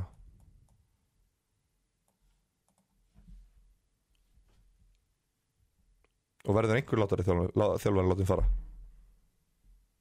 Nei, Það verður engin látin fara ég klára allir í tímumvili Ok. Ég held það Og við höldum Áfram Sæt. Ég er orðin rosalegur að tökum sko. Þetta er rosalega Ha Þriðadeldin með Jakko Sport En þú þarft að heyra í Rikka G aðeins og læra að prodúsa klukkutíma þætti sko Nei. Einhvern veginn nær hann alltaf Hann hittir alltaf á klukkutíman Já, það er mækarinn sem skrifa þau handrið 60 mínútur 0-0 Alltaf Það Við mækar- erum í, það er mækarinn sem skrifa 200 erum við ekki búin að vera hérna í 1.40 eða eitthvað? Nei, ég ætti ekki að klikka þér Búin að vera með 65 mínútur Ha? Já, Fyrir slæk fjóri tíma? ég veit, Fokk, hvað erum búin að lengi maður? ég veit það Það er þriðja deildin með Jakob Já, já. Sport Uh, Jó Hér er Jakob ástriðunni! Jó Jakob græjaði þessar buksur sem ég er í núna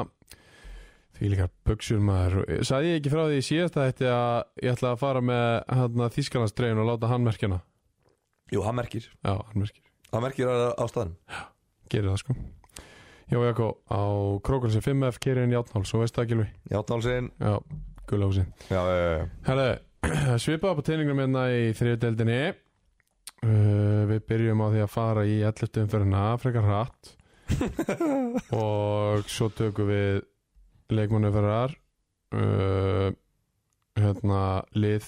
fyrir umferðar og stórprendingar Þau eru bara mjög hrattið í fyrsta leikin. Mjög hratt, uh, Árbær reynir Sandgerði 1-0 fyrir reynir Sandgerði í fyrirhálega Kúli og César Þetta var bara nákvæmleins mark doldið eins og fyrsta marki sem að reynir skoraði á móti Kára Nei. Komst inn í sendingu? tilbaka eða þú veist að mörguleiti Jú, jú, be, jú, be, jú, basically. komst inn í sendingu tilbaka og kláraði fór fram hjá markmannunum 1-0 í hálfleik Kristof Páll bætti við á 58. mínútu Eh, 2-0 3-0 og 68. er að Kristof Páll skoraði aftur Andi Andri Morína sem er besti Morína bróðurinn Já. á Íslandi minkaði munin á 70.50 3-1 ára en Sigur Orri Ingimarsson skoraði fjórða markið eh, 4-1 uh, Arbreggi fekk guldspjald á 39. minútu hann fekk svo annað guld og raukt á 60.7 er hann með minna tolerans heldur hann aðri leikmann það er alltaf eitthvað Er hann með minna tolerans? hjá dómarunum, Já, já. af hverju? Af því hann er nöldrari. Já, bara svona vælukjói og bara já, og þá bara dómu eh, þeim bara þú veist, já, nei, ég bara ætla ekki að ég ætla ekki að fara út í að reyna að orða þetta nei, en það er þannig að hann er með mjög eins og bara nokkur, það er til dæmis bara regla Ástóri Ingi fær guldspjöld fyrir fyrsta broti sett í leik bara, það er bara prinsip uh, Aron Breki fær guldspjöld þarna fyrir að ég veit ekki hvað, þú veist, strænja sparkar í Aron Breka, ég veit ekki fyrir hvað hann spjaldar Aron, hvort það er banna að láta sparki í sig eða hvað er vandamálið sko já, en setna gula er bjóra, bjóra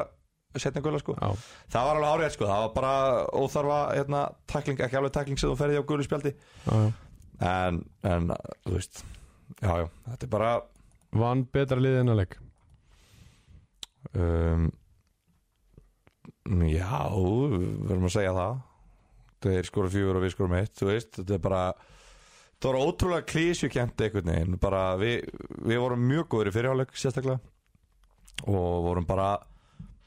já, ég heyrði það að leikminn hefði verið sammálað um það bara leikminn í báðanliðum hefði verið sammálað um það og Já. bara hafi verið tölvöld sterkar í fyrirháleik og,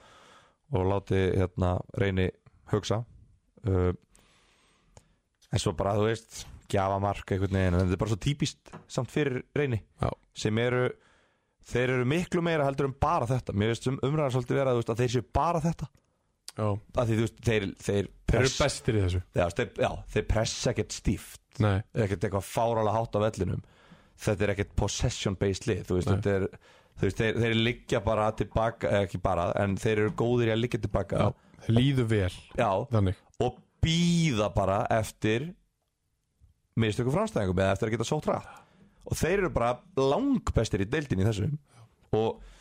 þetta er þeirra, þeirra mesti styrklegi og, Þeir og eru þeir líka með tvo leikmenn sem eru tveir bestu leikmennir í deildinni í þessu Kristof Páll og Húlu Sessar já, Húlu Sessar er og bara báðir, eru báðir svo geggjær í mörgu sko. Já, þe þeir eru samt, þú veist, það eru alveg margir góðir leikmenn í deildinni þeir, Þeir eru langt bestir í þessu að akkurat þegar að mómenti kemur, bæng þeir eru búin að skora til þrjársengun já, þeir refsa sko. Þeir eru rosalegir í því sko. þannig að þeir bara, þú veist gera vel í rauninni, þú veist, surviva fyrirháleikin Já. á þess að fá sér mark, Já. þú veist, ef að staðan hefði verið fjögur eitt í háluleik fyrir árbæ það hefði enginn geta sagt neitt Nei, ef að ef að Árbar hefði fengið víti og reynir fengið raukt spjald eftir 30 mínútur það hefði enginn getað mótmælt í Nei. það hefði heldur enginn getað mótmælt í reyndar ef að reynir hefði fengið víti í fyrir áleik en, já, já. en hérna, þú veist að munar að fá raukt spjald í fyrri Uh, þannig að hérna já, já, þú veist, þetta er bara svo bara fara þær í setni og bara í rauninni aftur, bara, þú veist aftur bara refsa, skilur við, Kristof Páll mætir hérna bara og, og hérna skorar skorar mark sem að hann er, þú veist veit ekki hvort það var rángstæðar, virðist var rángstæðar en hérna, fekk að njóta af hans og svo eftir rauðaspjaldi þá er þetta bara svolítið einhvern veginn fjaraðið út Fjóra tjúr reynis Sandgeri, þe- hvað þeir eru með nokkra núna í röð já, þrjá í rauð Þrjá sigra, fjóra eitt, fimm eitt, fjóra eitt Helviti góður henni Já, þeir eru konur einhverja 7-8 leiki án taps Já. held ég Næsti leikur fór fram í skessunni þar sem að Kvíti Rittarinn kom í heimsókn ég á búin að segja að þetta er því svona 2-1 eh, 2 eh, 2-0 fyrir annar liðið og, og svo myndi þetta enda 2-2 ég sagði nú að Kvíti væri yfir 2-0 en það fór í hináttina uh, Sæfa Leo Jónsson skorur á 8. mínútu trösti fljótur að jafna 2050 fyrir Kvíta 1-1 Robert Andri Árnason kemur eh, í hái 2-1 fyrir háleik Kristján Veiti Ólafsson skoraði sitt hvað er það, áttunda Já. áttunda markið sitt, Kristof Páll by the way með nýju markaðastur í deildinni glemt að koma inn á það Kristján Eitti Ólafsson með 3-1 markið á 50.9 uh, og það var svo auðvitað markið lókin eðlilega eins og leikjum hjá Kvíta og Íhá Já, 90. annari Magnús Fannar með sjálfsmark 3-2 lengra náði Kvíti ekki Nonni Ársbjörns með sitt árlega rauðarspjald er þetta árlegt? Já, það fær alltaf rauðspjald Aha. hverju tímbili þetta var ekkert eðlilega fyndi, fyndi scenario sem átti sér stað Já, ég trúi því já, Nonni er geggjutýpa já. þetta er hérna, ef farið yfir að hræðat Já, uh, Íhjá sparka boltanum upp í loft Já. Dómarinn lætur boltan falla og Íhjá ætlar að fara að sparka boltanum yfir til Kvíta uh, En Alvaro sóknumæður, hérna, spenski sóknumæðurinn hjá Kvítareitarinnum Hann heldur betur ekki, eh, heldur ekki Hann hleypur bara og tekur boltan Og sendir hann út hérna, Varstu búin að Nei, þú ert ekki, þú hlustar ekki á það þegar ég sendi það á þig Nei. Hann hérna, spila boltanum út á kantin á hvað Daniel held ég sem var hérna á kantinum bara. og hann bara býtu ég á ekkert að vera að sækja núna eða skilur við, en hann sett hann í eitthvað svo stekta stuðu já,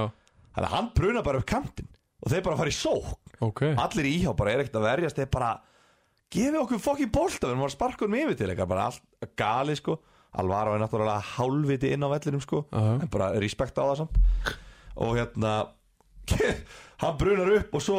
krossar hann og í hot hotspinna sem að hvíti rittar hann á núna bara allt í hennu upp úr engu Já, og Nonni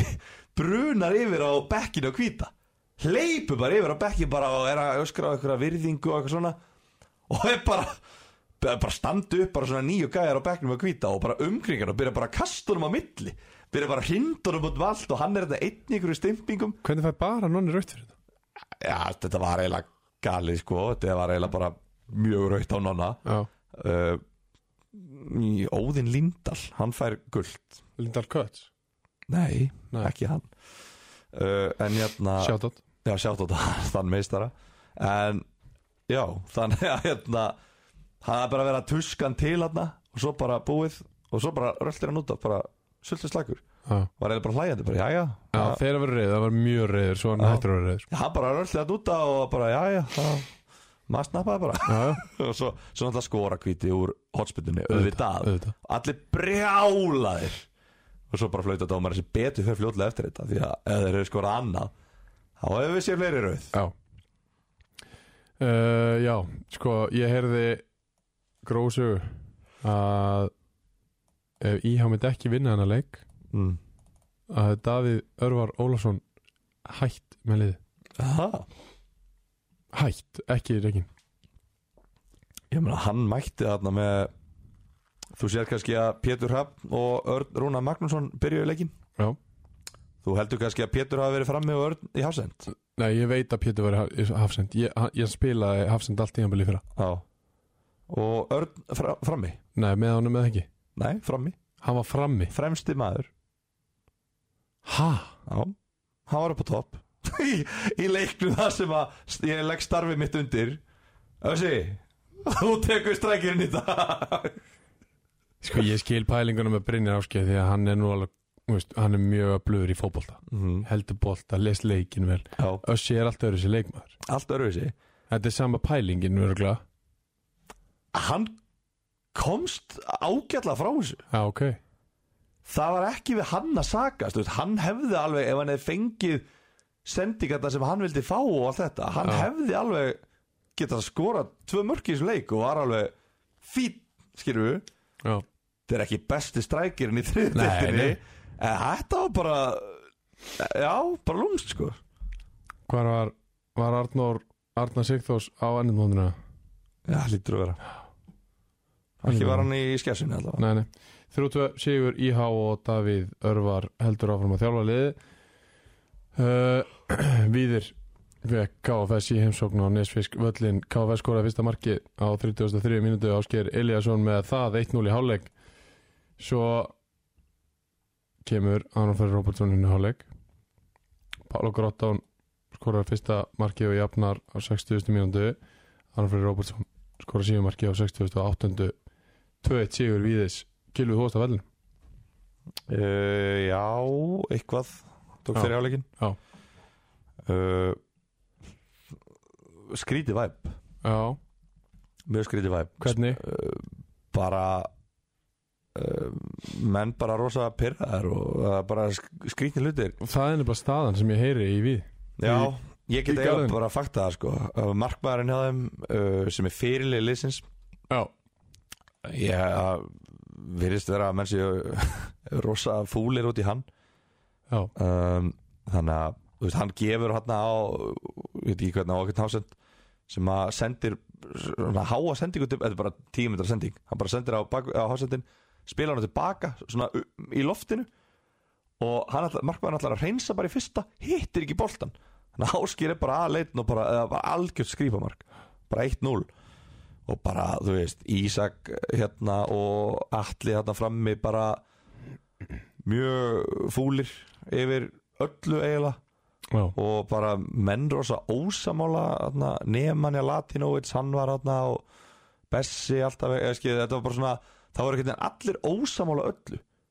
og ég skildi ekki alveg út af því að þegar við mættu þeim þá, þá voru þeir bara góðir, eða skilur við Bara erfitt að spila við þá já, voru bara bara með skemmtilega reyfingar án bolta og voru bara að sækja á skemmtilega það er bara erfitt að eiga við þá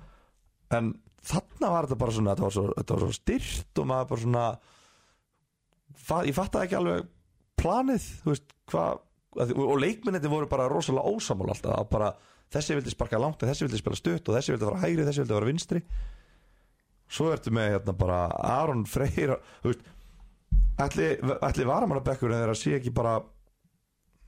þú veist, ætli það sé ekki bara sjö bestu leikmyndir í liðinu líku, sko já, en það hlýtur að vera allir einhver ástæði fyrir því já. þegar minna Helgi og Tómas eru búin að vera á bekknum bara, örgulega Helgi er held ég bara í, á þannig díl en æfir eru ekki droslega mikið spilar þegar hann getur held ég Já, en hann er búin að vera þeir tveir eru búin að vera alveg á bekknum nokkra leiki í sumar er það Helgi meir og minna á bæknum já. Já, og ekki Tómas líka já, hann fór ágætlega af stað Já, var í byrjunleginu, svo síðan þá verið mikið á bæknum hann var bara tekin út af eftir 60 mítrar á móti okkur held ég þegar það vantaði mark já, og bara einmitt. okkur, okkur vantaði mark, Tómas þannig að þú ert búin í dag Þú veist, ég... án þess ég, að ætla að taka eitthvað af ég, öðrum sko ég hef komið hérna áður og sagt að ég hafi heyrt að Sveit væri að missa klefan og þá breytist byrjunlegið bara umturnaðist byrjunlegið Já, eftir það núna held ég að það sé bara þráðurinn sé bara ofbóðslega stöður ég meina þeir eru samt í öðru sæti Ég þeir veit eru að það. fara upp um ég veit deild það, og en það er allt í skrúinu en á sama tíma, ég skilða samt ekki nei, ég skil það ekki heldur en það er eina sem ég heyri þarna Ég heyrði að það væri alls ekki rétt ok, Ég heyrði að það væri bara alls ekki rétt sem Ástriðan hefði sagt að vera eitthvað að missa klefan og eitthvað svona ég, að, hérna, að það væri ekki þannig ok, En þú veist, ég veit það ekki, með, þú veist, kannski var bara of mikið sól, það var bara kannski of gott veður eða eitthvað, Mm. ég veit það ekki, en þú veist, þetta var bara þú veist, þeir unnu leikinn en Já, já. þeir áttu ekkert skilið að vera neitt minna heldur en neitt núl, eða neitt, hvað sem er, neitt meira, neitt minna þeir áttu allavega bara skilja að vera undir í hálfleik svo náttúrulega sá ég ekki meira og svo koma tvö mörg og þeir vinna það uh, Já Fyrsta mark í þessum leik Áskir Eliasson Það er ekkert í gangi Bessi með sendingu á KFS mark en ég veit ekki hvort þetta var hvort þetta var hérna Bessi Þetta var Bessi já. já, bara markmann sendur að Bessa hann ætlar að skilja hann tilbaka markmannin lift í boltanum kemur eitthvað panik, hann ætlar að negla honum í fyrsta það verður bara að taka við honum með eitthvað Já, og hérna hittir ekki boltan dettur Ásker Eliasson mætir þetta bara hittin á auðum sjó já, leggur það bara í markið það er lett á, alveg stegt sko En viðismenn, þeir eru að vísu ná að koma tilbaka Taka 20, áfram með þetta Ímir fekk uh, elliða í heimsókn uh, Ég veit ekki betur en ég hef spáð þessu Allir myndu tapa þessum leik, þú sagði að vera of típist já, það, það var eiginlega rétt Já. þetta var eiginlega það er bara það típiskasta sem var gætt gerst Þetta var elliðalegasta sem að hægt var að gerast uh, Arjan Ari Morína með fyrsta markið á 40. annar mínútu 1-0 í háleik Emil Skorri með 2-0 mark á 53. Ellið skorri ekki fyrir á 94. og hafa sjálfsmark sem að Patrik Hermansson uh, leikmaður leikmaður Ímis skorar, eða ekki? Jú, hérna, já passar sjálfsmark 2-1 sigur Ímis og sá var mikilvægur já, þessi sigur var heldur þeim í seilingu já, eins og ég er búin að vera að tala um þú veist, þetta er, þetta er gott lið mm. þeir eru bara, bara að vera betri Já. en að fá sigurinn hérna, fyrst ski- sigurinn í langa tíma Já. koma sér nær pakkanum þú veist, þeir eru núna tveimistu þeir eru ennþá tve, þú veist, tvö stig í fallbort þeir eru alveg tvö stig Já. en að koma sér nær þú veist, ein- eins og segir heldur með seilingu þetta er bara frábær frábær sigur fyrir Ími Já. um, menna þeir spilaði hennar leik án síns besta markmanns Já. og ennþá náttúrulega án síns besta leikmanns já, sem að er þú minn ég að fréttir á honum uh, já uh, hann er bara klára að fara að spila það er þannig og hann gat komið inn á móti reyni en gerði það ekki mm -hmm. af því að þetta var bara tapaði leikur og bara pointless að setja hann inn á í grasi og hann gat komið inn á í þessum leik en en það er bara, þú veist, ef við getum haldið honum utan, utan, utan vallarins já, aðeins lengur ok það var það gott og þarna er bara komið 2-0 og, og hérna, leikurinn bara þannig séð í fínu jafnvægi fyrir ími Já. svo kemur ekki 2-1 marki fyrir 94 og það bara já, bara flott já bara drullar sem sigri bara, bara, veist, þarna snýst þetta bara um úrslit já, þarna er enginn Já, að pæli framistu nú er þetta bara, þessi leiku var bara heru, við þurfum að vinna hann leik já, inn í kórnum, þeir ætlu að færa leikin út KSI bannaði það að sjálfsögðu þeir eru bara að banna allt Já, það er bannað að færa leik samdagur já, Ég man ekki betur en að augnablik hafi fært leik á móti elliða það er gert það svona tíu sinum síðustu þremur árum eða eitthvað Já, bara svona 40 mínútur fyrir mætingu Já. Þá ringi það bara, veist okkar, en það leikurinn er inni í fífunni Já. Allir búin að gýra sig upp og undirbúið sig fyrir leik úti á kópásvelli, það er júts Já, þannig að hérna, en það var bannað þarna og bara ég bara ber mikla verðingu fyrir því og finnst bara mjög gott að fá, fá betri umgjörð í deildina já, og þetta er bara mjög jákvætt skref fyrir knarspununa á, á, á leikdegi Já, ég meina, þú veist, það er bara búið að undirbúa skilur Já, já. Búið, bara, þú veist, Sam, ég er alveg sammála því á leikdegi já en þú veist, það má alveg hreyfa fram að leikdegi, að mínum að Mm, já, ég veit það ekki Ég mér veist bara eitt að vera mikið hefur ok Bránað með, með menna að standa í lappinnar Já. þarna Við svona beinum Uh, hins vegar fekk augnablik að færa þennan uh, næsta leik inn í Fífu Já. og uh, þar fengu þeir heitasta lit eldarinnar í heimsókn Já, heitast degi ásins já, Kormok Kvöt Breki Barkarsson með fyrsta markið á 40. annar mínútu 1-0 í hálfleik, Steinar Hákonarsson uh, kom augnabliki í 2-0 á 50. og 50 Rosalegt mark, Já. þú sé það Nei. Nei, þú sendir mér aldrei neitt þetta er bara inn á Instagraminu í augnablik Ertu ekki að followa þessi lið á Instagram? Jú, nokkur Heru, það var eins og KFA var að fokki mér á hann Þeir settu stóri sex tímum eftir að leikurinn í öðrum flokki kláraðist Já,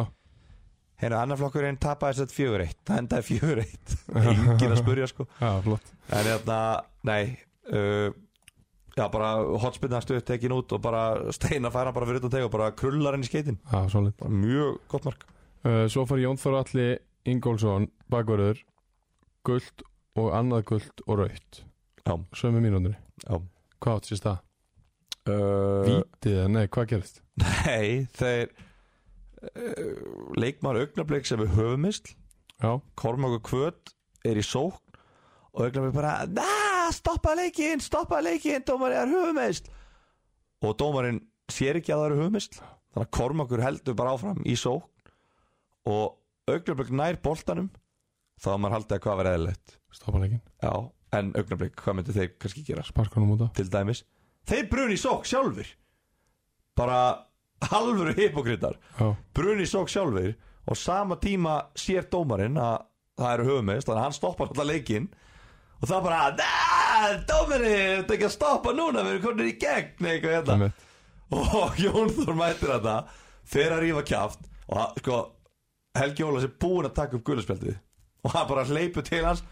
beint í smettið og hann snýsir við og heldur áfram að muldra eða muldra, bara að röfla fara annað gula bara herru, þetta er bara, þú sé þetta á YouTube Já, já. bara stoppaðu, kontið hérna aftur hér er næsta gulaspjald, Já. drullaður út af Já. þannig að þú veist, lít, lítið þess að segja skilur, þetta er bara Svona er þetta bara. er bara heimskulegt hjá Jón, Jónþóri Jónþór, bara heimskulegt hjá honum Kormáku Kvöt fæ boltan fyrsta sókn, manni fleiri, mark bara, Ingur Blanko já bara bolti láti rúlla, bara út í kant fyrirgjöf skallamark, ótrúlega, ótrúlega einfalt, þá hugsaðum við bara shit, ok, þetta eru mentality monsters Þeir eru það þeir eru, þeir eru alltaf að fara að koma tilbaka og ég hugsa, ok, þeir, þeir kunna að vera manni fleiri, þeir vita um hvað það snýst Já. herru, svo bara ekki einu sinni gerðu þeir þetta aftur svo fór þetta bara í ykkur dælingar og eitthvað, þannig að þeir ná ekki að jafna, Ingibergur Kort það er rauðspjald 90.000 annar fyrir hvað? uh, poti tippi á frey Spes já, Pota í tippið á frey eða svona, svona uh, slengir eh, ah, höndin í tippi á honum eða eitthvað, ég veit það ekki Tjóðlega skrítið maður Tjóðlega skrítið að segja svona frá því hvað verður þið? Bara, þú veist, maður hefði kannski sett lamd í pungin á honum eða eitthvað Já, veist, ef hann hefði lamið hann í Pota í Eftir ef hann hefði tippið á lamið honum hann í pungi þá hefði ég satt lamið hann í pungi Já. skýru En hann bara svona, Sló hann í pungin já, Ok. já, þú veist Er þeir, þetta kart? Er þetta rætt kart? Þetta er svona sjötta rauðarspjaldi sem mannstæðingar augnaböks fá fyrir nákvæmlega þetta Já, Þú veist, og ég er svona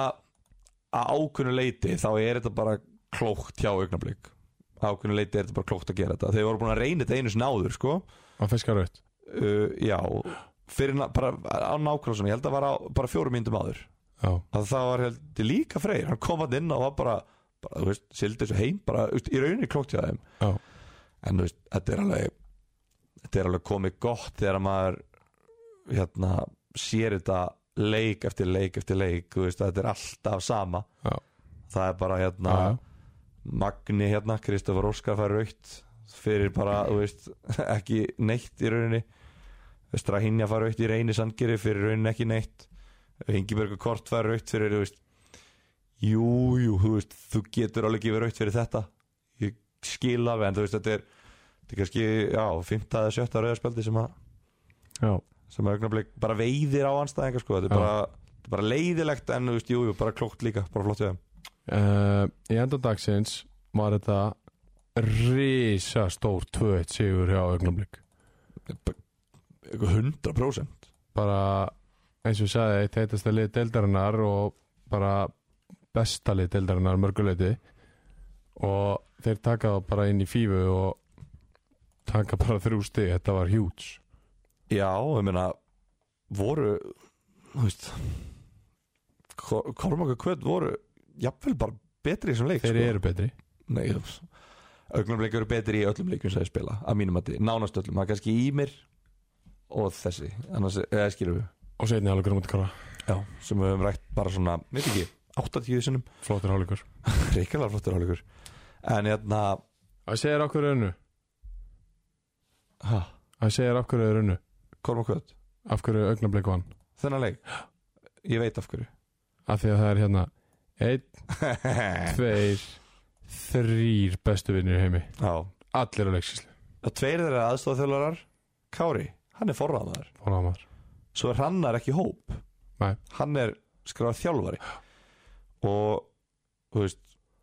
það er líka annað sem er mjög stákvæðvert og þetta er náttúrulega eitt besti leikmaður liðsins Já. en það er svona það er svona heyrst af því þú veist hvort að hann sé of nála, Nálægt nála skilur, þessu, já. já. þannig að spurning hvort að þú veist, hvort hann sé að búa til aðeins meir í fjarlæð núna hvort að það hefur verið viljið liðsins Arnur Daði og Jón Veðar báður að bæknum Já, var ekki Jón Vegar búin að vera í útlöndum með að mittur eða eitthvað getur verið og Arnónda kemst bara ekki liðið lengur Nei. en hinum einn það er fyrirliðin á bæknum Já, hvað, er, er hann ekki einn besti leikmaður í þessu liði eða? nei, A- hvað mannur? hvað meina ég? bara fyrirliði liðsins búin að vera máttastólpin í þessu liði í 5-6 ár Gaur Þetta er bara ég er mjög gaman á honum mjög gaman á honum en ég verð að segja það þegar að hann kom inn á með Ingiberg Kvort á 60-50 mínútu Já. menn voru að tjúlast hann kom inn á miðuna og það var bara hvert einasta skref sem hann tók á vellinu var gaggrita liðsfélög bara nei, farðu þangað þú átt að dekka þennan maður, nei ekki rjúk út haldust út, það var bara hann gæti ekki tekið eitt skref á þess að bara allir í liðinu bara tjúlust bara út að, er hann búin að missa bandið eða hvað nei, ég veit það ekki úrvarsverili, nei, ég held að hann var að tekið bandi sko, en bara hann var greinilega ekkert í syngi Vist, hann er alltaf bara búin að vera skilu, ekki bara, hann er búin að vera að spila bakvörð og Já. miðvörð og svona, hann hefur ekkert verið mikið á miðjun held ég, ég veit það ekki alveg hann varð það oft allavega Já, þetta er gamla þetta áður en að þeir verðu aðdurumarlið Já. Þannig að, hérna, en hann mætti þarna bara og bara í rauninni, þú veist mætti bara til þess að vera gróður, skilur við, þú veist það var bara það var bara, þú veist, það var bara pyrraður þú veist, tönur lundir og að tappa á eitthvað þannig að það var bara, skilur við, en, en þú veist, þessi leikur snerist ekkert um hann, þetta var bara, mér finnst þetta bara á, því ég valdi að sé leikmann koma jafn mikið inn og verið að blíti í syngi við já, leikskipulag, sko já, já, skilji En þeir töpuðu ekki leiknum út af því Þeir voru tvöru lundir og unnu kaplan með hann innan bors, unnu hann 1-0 Það er rétt. Uh, síðasti leikurinn í umfyrinni á Grinnivíku velli sem að Kári kom í heimsókn uh, ég í fórnalapa gýrnum hugsa auðvitað þurfti Kristofur Óskar að spila þennan leik á Grinnivík mm -hmm. ekki múin að spila neitt og hundan því sá er góður maður Já, almáttugur minn Kristofur Óskar Óskarsson uh, uh, sér leikur byrjaði þannig á tíundu mínútu fekk ég dæmda á mig vítarspinnu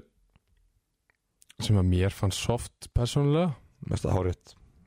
Fe- út af hverju Bara ítir, ítir í hann, já. banna íta taktu þetta glott úr allir annar á meðan þú segir þetta Hvað glott já, ég var ósáttu við þetta ég var mjög ósáttu við þetta Guður, Þessi leiku voru á Grenivík ég veit, Hvað helst, ég var ekki búin að hugsa þetta þannig hvað helst að væri að fara að eiga sér stað ég veit það, ég veit þetta núna en ég var ekki búin að hugsa þetta þannig Í alvörinu já Helst þú væri að fara þarna og Magni væri ekki að fara að fá viti Nei, ég var ekki bara Ég, ég, var, ekki, ég var ekki þar Ég, veist, ég, var, ég var ekkert að hugsa að þeir myndi ekki fá víti Ég var bara ekkert að hugsa um þetta Ég var bara ekkert að hugsa um víti Nei. skilurðu, Bara heilt yfir Já, En svo þegar þú saðir þetta við mig eftir leik Þá var ég bara, er eitthvað heimskur auðvitað veistalega Og hann, hann hikaði ekki eftir tíu mínútur Nei, þú veist alveg af hverju Já, af því að þetta er magnið ágreinvík Já, og þeir eru svo góður á heima Þeir eru svo mikið inn í vítateg anstæðingana Já, um mitt uh, Það er ástæðan Já, það er heila málið Kristofur Óskar skorar úr vítinu Gabriel Þór jafnar uh, fyrir Kára eftir fyrir gjöð og darraða dans og hann sett hann í stönginu inn Það er efnilegu leikmaður Já, hann er mjög, mjög, mjög efnilegur, það er alveg rétt Kristofur Óskar Óskarsson skorar aftur Það var geðveikt mark Nú. Marki sem að þeir skora 2-1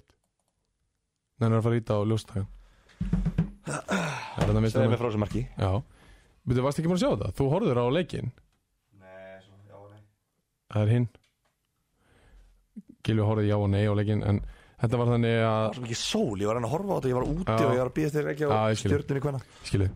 en hérna þetta var á Adam Örn fekk boltan svona vinstra megin þegar, þú veist, Kári var búin að vera í pressu í hárið pressu uh, við vorum í þryggjumanna vartanlega ég var búin að stíga líka upp í pressu og svo einhvern veginn náðu þeir að leysa hana Adam fekk boltan í smá, með smá pláss dræfa hún bara svona meðfram jörðinni bara svona þvert yfir allan völlin á milli Hilmas Elís og Kristoffer Ráka sem eru hafsöndu bakverur beint í lappirnar á Já, Kristoffer Óskari sem tötsaði hann og bombaði honum inn já, já Gæðuveikt mark Tveit hjáleik uh, Adam Örd skoraði strax á 48. mínútu Það var alveg uh, tuska eftir uh, háleikin uh, Fylgarinn kom inn á og skoraði 54. Uh, 32 og ég held að séu flestir búnir að sjá það sem gerist á 90. annari mínútu Íslensku fótbolti Með puttar á púlsinum með fötana pólsin önnur umferð annað Magna TV myndband Já, þetta var, þetta er svo gott já nei, ég vissi að það myndi vera eitthvað skandal Mér fannst nefnilega Ég, ég hugsa, ég, það, það, ég horfði á þetta Mér fannst þeir sem var að lýsa þessum leik Mér fannst þeir vera Það var eins og að vera að reyna of mikið Búin að Já. fá smá umfjöllun Búin að koma inn á TikTok og, og, Já. hérna, og myndbandið inn á ástriðu spjallinu og allt þetta mm -hmm. Mér fannst svona, já ok Þeir eru meðvitaðar af það núna, nú er aðtikli á þeim Já. Þeir ætla að vera, ö, ö, þú veist, þeir, eru- þeir, mér fannst þeir vera svona að reyna eitthvað ah, skilji, og ég hugsa að ég veist, þetta er ekki eins gaman Nei, við nei, hefum nei. aldrei átt að vekja neina aðtikla á þessu miklu skemmtilega þegar þetta eru bara einlega gæðar að halda þessi enginn ef að mamma er að hlusta á þetta já, en svo einhvern veginn eftir þessu lífurleikin eins og þetta Já. svo er þeir bara byrjaðar actually að lifa sér inn í þetta og orðnir bara magnamenn og þetta var dæla gott þetta var mjög gott en hvað fannst þér um þetta viti? uh, svo ég svari svo ég ná að tróða smá bitur ekki inn í þetta mér finnst þetta bara alveg jafn mikið vít og við áttum að fá þegar við spilum við þá já, fyrir norðan já, það er bara fyrirgjöf markmaðurinn hleypur út kýlir uh, í andlitið Já. ég held, hann hafi, ég held þetta sé í þriðja skipti sem hann gerir þetta Ég Já. held, mér, mér, mér líður eins og hann hafi gert þetta meira segja einu sinni ég held þetta sé annað skipti sem ég hugsa Jesus, þetta er alveg svo við letum í þetta var pjúra viti já, mér fannst það mér finnst samt ótrúlegt að þeir hafa dæmt á þetta Mér líka, ég, ég var einmitt að hugsa það Ég- þegar mér finnst það mjög oft ekki gert einmitt Já, ég trúði því valla að það væri verið að dæma á 90. annari mínútu á Greinvík, gegn Magna Já, ég trúði því eiginlega ekki að það væri annað lið inn í vítateg Já. anstæðings Já, já. heldur um Magni einmitt að þeir eru svo sterkir á Þeir heimaður eru ofbóðslega góður í tegunum En uh, Martin Theodors, risastór Tók boltan, Já, bombaðan við særlega. sá stóri var náttúrulega Sverri Mar Já, sem Eh, ég tók ákvað þarna hann Jordan hugsaði, Henderson. ég ætla að komast á TikTok Ég, Ég gerði núna, það, já, það er rétt núna eru 50.000 manns að horfa á mig spila hópaðaleik Takk, og ég ætla heldur betur að fá sviðsljósi núna þegar voru búin að vera að vasast með boltan að taka hann í burtu og eitthvað heldur þú að einhver hafi haldið að þú væri að taka þetta víti Nei, ég var ekki að reyna það heldur hvað varst að reyna? Ég var að reyna að, verja þinn mann já því líka fyrirliði Eins og Batti kom inn á í Djöfull sínum var þetta post Hann er líka ótrúlegt. rugglaður sko hann okkur Batti að vekja aðtegla á þessu hetjulega framferði Æ, Látt ekki svona mest að hrikalega verkja Látt ekki svona Nei, þeir, ég var búin að láta Martin hafa boltan áður og þeir tók hann af honum Þannig að núna let ég hann hafa hann aftur og beið þangar til að það mátti taka viti Já. Þess að ég myndi ekki taka boltan af honum aftur já, þú hefði betur gert þetta á móti Kormáki Kvöld Rétt, þetta skila þetta sér ég lærði þú lærðir þú gerir þetta ekki á móti okkur Nei, ég þurfti þess ekki Það var ekki svona mikið vesinn nei en Martin hann þurfti smá meira pepp Þú ert að segja að hann sé lítið í sér en ekki Hilmar Haldurs nei, maður nú Nei, ég var ekki að meina það ég, Það var ekki svona mikið vesinn á ykkar liði þegar að við vorum að fara að taka vít já, já, nei, nei, aldrei við svona okkur Nei, nei, svo sem ekki En já, bara flott víti og bara vel gert að jafna og, og hérna, Það var alveg mjög mikilvægt já bara upp á heimverðina Já, og líka bara upp á töfluna að vera með 13 stig í, og Magni með 11 í staðin fyrir að Magni með með 13 og við 12 Já, hvað, já, erum við að horfa í töfluna eftir fyrstu fyrirumferðina? Já, Ok. það Já, við erum að gera það Já. Kári vil vera eins og ofalega og hægt er Já, og þetta stig er betra heldur en ekki neitt, vissulega Já. En hvernig var leikurinn? Nú veist, hvernig þróaðist þetta? Voru þið betri, voru þeir betri? Hvernig? Ég finnst þetta bara rosalega sp- mörguleiti spesleikur Ég finnst svona aldrei eitthvað svona yfirburðir Bara mikið móð og Já, svona, ég veit ekki Við náðum ekki rosalega mörgum eitthvað svona góðum spilköplum til dæmis það er völlurinn góður Já, það var alveg solid Já. Og það var alveg solid Mér, mér fannst hann dálítið lítill Já Hendar ykkar ekki Hendar okkur verð Já um, Ég hef aldrei komið á Greinvík Ha? Aldrei? Nei. Ha? Ég hef spilað útileiki við Greinvík í bóganum What? Ég hef aldrei komið á Greinvík og ég fór ekki inn í Greinvík Ég fór bara á völlin að hann er alltaf fremst í bænum Já, Svo fór ég heim ok Ég á það inni að kíkja á Greinvík Já, En uh, við förum í leikmannu fyrirnar Gilvið og sást alla leikina Jakob Sport, leikmaður 11 fyrir ertu að setja mig on the spot hérna bara núna? Já, Guð minn almáttu Leikmaður umferðunar í bóði Jakko Sport í 11. umferð í þriðutelt Karlaðir Kristoffer Óskar Óskarsson og hér með byðla ég til hans að spila alla leikina sem eftir eru mm, gera þetta almennilega og spila svo bara í lengju til þeirra næsta ári Ég myndi persónulega ég veit að þú myndir vilja að hann spila í tíu leiki af 11 sem er eftir Já, ég meina, því að sko, málið er Hann er ný komin tilbaka Svo þetta var fyrsti byrjunarsleikurinn hans í langan tíma mm. Ég myndi ekki taka Taka of hættu þessu Slakað á maður Er- Herru, veistu hvað? ég vil að því að hann er svo ógeðslega góður í hópað Já, að gera þetta bara almennilega núna finni sér svo bara eitthvað lið, æfi með því og spili í lengi til næsta ári hann nennir því ekki Þú getur ekki neitt mann til að hafa áhuga á ég er að einhverju sem- byðla til hans, ég er ekkert að neyða hann í neitt Biðja hann um að gera eitthvað sem að veldur honum ekki ánægju mér síndist að vera mjög, hafa mjög gaman að þessu Hann er 65 minútur sem hann spilaði hann skoraði tvö mörg og svo átti hann þetta þriða mark sem að hann á skotið og var að dansa með boltan ára hann á skaut og, og hérna Aron Bjarki verandi hliðar að Adam skorar Nú ætla ég að koma með Gugg Það ég elska Gugg já, Hann er búin að spila fimm leiki Já. Búin að skora fimm mörg Já. Hann er búin að spila 18% af mínútunum hjá Magna Mhm. á tífambilinu og skora fimm mörg Já. uh, Það eru ef hann væri búin að spila 100% af mínútunum búin að spila hverja einustu mínútu og skora á sama hraða hvað heldur hann væri með mörg mörg? 22 28 28? Já. já, hann væri komin með eftir 11 leiki á þessum hraða 28 mörg já. og hann væri að skora 56 mörg í deildinni í deildinni á þessum hraða Ja, f- Þó fyrir hefði verið að velja, velja maður leikmann umfram þetta eru gögn Já, takk fyrir þessi gögg og Alveg þau eru rosaleg rosalega gögg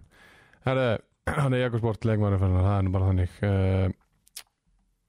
Tvö seif í 12. umferð uh, Okkar liði vinna bæði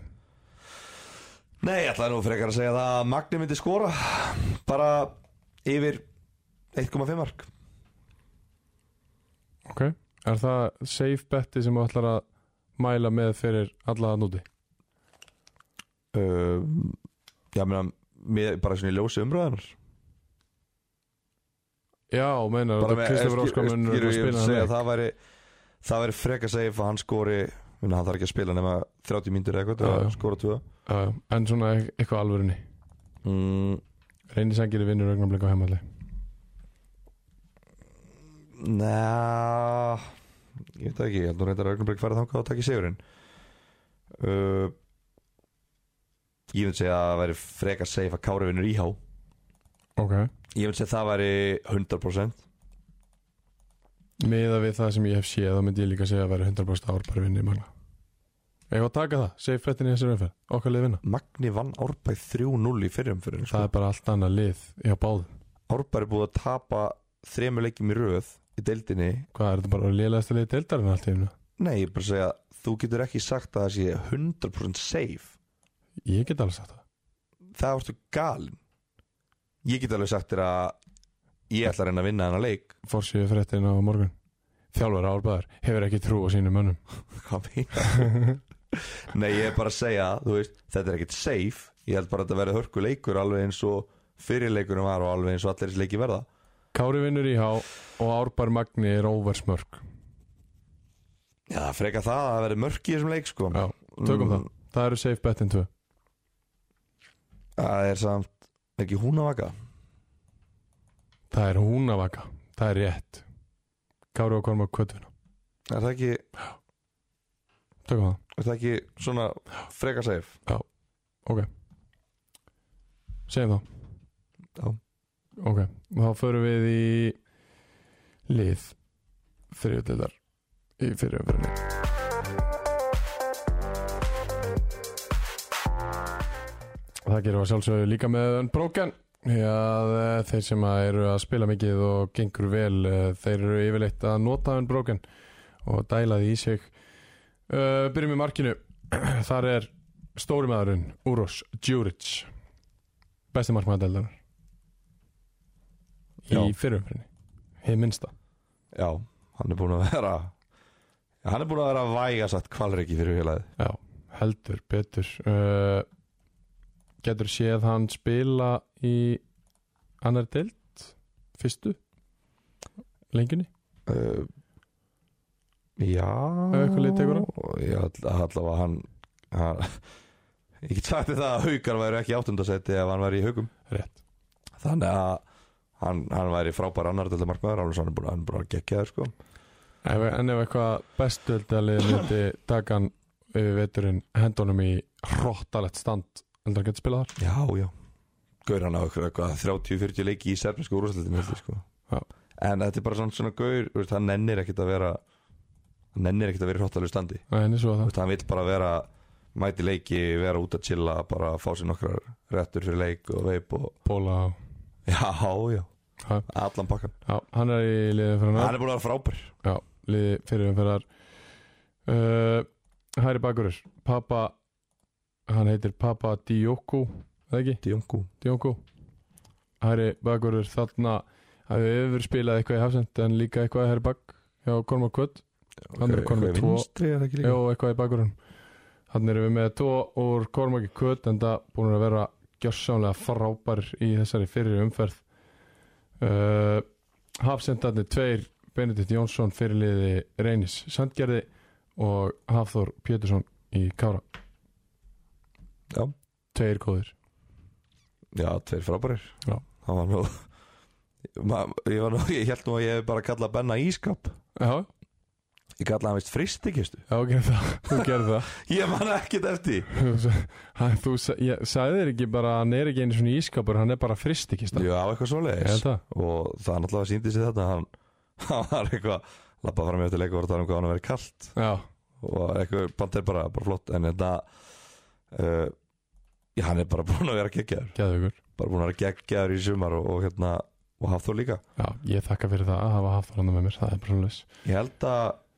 Kári sé búin að fá á sig átta eða tíu mörg þegar hann er ekki inn á vellinu Já.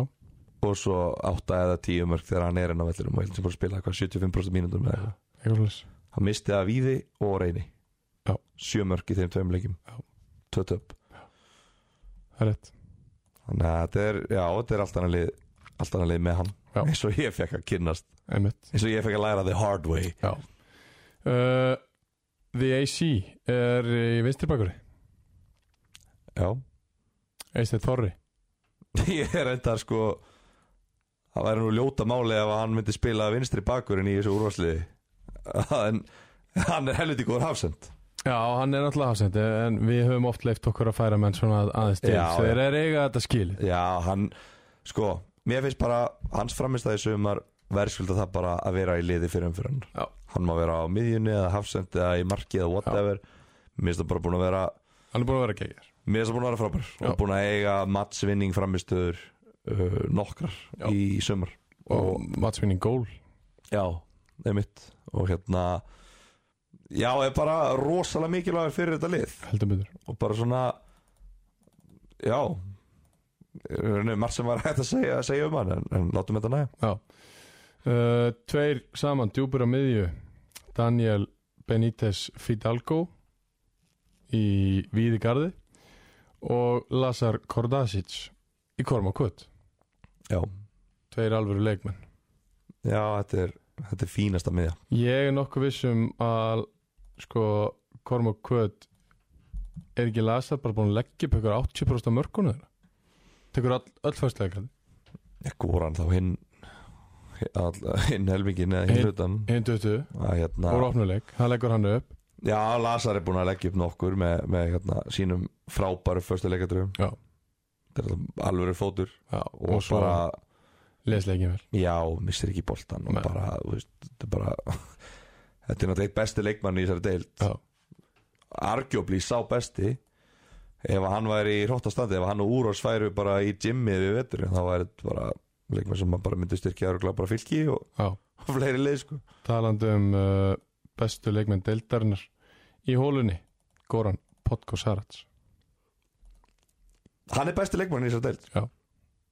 hann er það bara, við Hann er verðum það. bara, þú veist, það verða bara ég held mér að segja að þetta sé ekkit rosalega umdeilanlegt Nei, hann er bara besti fótballtamæðurinn í deildinni Já. hann er ógeðslega góður já og hann er líki besta leiðin deildinni fjóða besta eftir fyrir umfyrirna já, já. en, byrja erfilega já en, þeir en, voru að skrapa sér saman en hann er allavega góður hann er bara, þetta er bara ótrúlegu leikmaður sér að vera með fjóra leikmenn úr þessu liði og það er vantalega besta leiði fjóri leikmenn í þessu lið Úros, Papa, Lazar, Já, við Goran erum alltaf fjallað um það að, hérna, topparnir í Kormöki kvöti eru rosalega háir á kontónum sikur megin er uh, Kristján Heiti Ólafsson IH og Kristofur Páll Viðarsson 8 og 9 mörg á sikurum kantinum Mm. það verður barist um að fá að komast vinstra megin já, leikmenn sem að já, ég veit ekki hvað, hvað þeir myndu gera af hægri kantinum nei það væri áhugavert að sjá það Það væri mjög áhugavert en, Þeir eru báðir svona köttarar já en bara Þeir eru bara báða á vinstri áfram bara tveir af, tveir af bestu leikmennum deildarinnar sko Já. Kristján Ólafs búin að vera frábæri á íhá Það er geggja og bara ótrúlega bara lungin leikmaður Já. Mér finnst þetta einhvern veginn hann ég, ég veit og ég svona finn það á þér er- Já að hann er búin að koma þar á óvart mm, Ég meina, er hann ekki búin að koma öllum á óvart að vera næst markaðastur í dildin eftir fyrirumfyrirna Í Ég liði sem er í fallbaratu Veistu, það kemur í mér minna á óvart eftir að hafa eftir með honum og veit hvað hann getur En mér fannst hann sko Mér fannst umtalið um hann alltaf vera þannig að það vantaði svo mikið upp á hjónum Já, Það bara svona, það vantaði bara upp á bara ákvörðanatöku og leikskilning og eitthvað svoleiðis mm -hmm. Mér finnst það ekki vera með, veikleiki hjá honum með, það hann er náttúrulega hefur bætt í því sko Mér finnst hann rosalega klókur og sjá bara góða sendingar, góð hlaup, mér finnst hann hugsa þrjá-fjóra leiki fram í tíman. Mhm. Hann er ekki bara búin að skora áttumörk, hann er búin að skapa hellinga færum og þetta er ekki allt, alltaf eins, skilur. Auðvitað er hann þetta vinstri kantinum að kött inn og eitthvað svona, en þetta er ekkit allt eins. Mm Nei. Hann er líka bara að fá boltan á miðjunu og þræða menn í gegn Mhm. og alls konar bara. Þannig að hann, hann er búin að vera, hann er búin að vera frábær í sumar. Já. Og kannski þekktari stærið er náttúrulega Kristofur Páll sem að við Já. vissum alveg það að þegar hann er, hvað, var hann ekki keiftur frá Grindavík? Það lánið ekki Já, nei, Grindavík keifti hann frá reyni, er það ekki, í fyrra uh, Jú, uh, En já, hvort sem hann láni ekki, það var hann alltaf með nýju mörki allu við leikjum og það er alltaf bara gauðir sem ábæra við Grindavík upp á topp Up to Ah. up Arian Ari Morína Já, og að mörgu þetta lítur að leyti- vera stafsendingu, eða prentvilla Hvað? Það er með næst besta Morína bróðurinn upp á topp Nei, alls ekki Nú, Nei, æja hann er bara búin að vera tölvöld betri heldur en sá besti Svoleiðis Já. Já, Ég ætlaði að fara að segja að arguably MVP í sér dild nei Ánans væri í mér með hvað mörgsti uh, Svona fjör minna Hvað við íhá með mörgstegi án Kristjáns? Það er auðveldara fyrir þá að replacea allt Já, hann er náttúrulega ekki einu sinni MVP í sínu liði sko Jú, Nei, hver þá? jú, so far á þessu tíðanbili, já Já, Jú, ég er bara að tala um núna fyrstu Já. 11 umferðinnar já, já Ég er ekkert að tala um eitt annað en það Já, Arna maður- Sigþórs væri bara búin að skora 8 mörg ef, eh, þú veist, við vitum alveg hvernig íhá er sko. Já Jú, jú, ég meina hann er búin að vera flottur og þetta er alltaf bara góði leikmaður mjög góði leikmaður Já. og liðið er svolítið búið að þurfa að, að hérna líma sér svolítið á hann og hann er búin að þurfa að taka rosalega mikla ábyrð í sóknarleik liðsins, í fjárveru eðis og hann Og- hefur gert það og hann, hann, það er mitt máli, hann er búin að gera það hann er búin að stíga upp í, í hans fjárveru og búin að sína það já, já, ég get alveg verið kall, Já. ég get alveg verið nummer eitt heldur betur en svo er áhugavert að sjá þegar að maður er búinn að fá bræðið af þessu svo kemur kongurinn inn í lið Já. í setni umfyrinni og þá bara er það Arjan hérna, takk en kontum í keflið, fara út úr kantinn farðu að hérna, þú veist gera eitthvað skýrur við, veist, ég ætla núna að vera kallinn Já. af því þeir eru búinir að þurfa að aðlagast svo mikið, þetta er búið að vera svo rosalega mikið aðlöðnuferðli á ími, bara nýlegri deild og búinir að vera að sko sapna inn leikmunum allt Já, tímafélagi, hann er góð bara einn í einu bara tínast inn fá menn úr útlöndum, fá menn úr mistaraflokki háka og fá menn hér og þar Mhm. taka menn sem voru hættir í fótbolta að láta þá byrja aftur þetta er bara algjör svona fiff Svo, þú veist, þetta gæti alveg breyst til þess vera Já, já, en maður þarf náttúrulega að vera galin að actually spáði að það gerist þegar að við erum að tala með eitthvað sko. já, já. Uh, Nokkuð sjátt uh, Ég ætla að byrja að fara yfir liði heldinni Úra Stjúrits í Korma Kvöt er markmaðurinn í liðinu Papa Djónko, Benny Jóns Háþá Péturs og uh, The AC eru varnalínan tveir djúpir á miðunni Daniel Benítez Fidalgo og Lazar Kortasic með Goran Podkasarats fyrir fram að sig Sigur á kantinum Kristján Eddi Ólafsson og Kristofur Páll og Arjan Ari Morína frammi nokkuð sjátt uh, Gilvi, það er Darri Bergmann markmaður Raugnablikks hann er frábær Já, hann, hann er heldur betur búin að gera nóg til að vera í liði fyrir um fyrir hann en bara því miður úr og svo okkar maður er búin að gera meira Beggi Smára búin að vera flottur í sendgerði Já. uh, Sasha í Víðigarði er góður Rúnar Ingi auðvitað, má vera svár yfir að vera ekki í svo liði, búin að gera sjömörk Já, framirinn hjá augnablik Breki Barkason eftir að hafa tekið skóna aftur fram búin að vera gjörsanna frábæra miðinni hjá uh, augnablik já uh, hann, ég get alveg séð hann vera í liði seinni fyrir Já, getur uh, það gerst inn af bekknum Markus Máni Já, hann er búin að vera langbesti varamaður Já. Já. tímabilsins allavega Það er alveg á hreinu Já. og svo erum við með Hamed hérna líka við vinstri bakurður sem að má alveg vera svektu fyrir að það sé hafsend í, í hans stöðu í Já. liðinu uh, Dómari fyrir umferðar í þriðudelt er engin Það er engin það er engin búin að skara fram úr í þriðudeldinni það er ekki bara allir verið jafnslækir Mm, Já Já Við erum að setja bara eitthvað betta undir þetta sko Já, bara fara bara í sad music sko. þetta er búið að vera þetta er búið að vera átakalegt en ég veit ekki hversu mikið við ætlum að fjalla um það um það hér, maður er einhvern veginn alltaf að reyna að reyna að hérna, forðast forðast að eyða púður í þetta en þetta er bara svo átakalegt búið að vera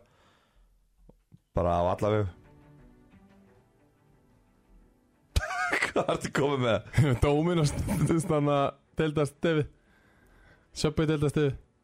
Hvað er að setja það? Ég var bara, ég fann einhverja hérna.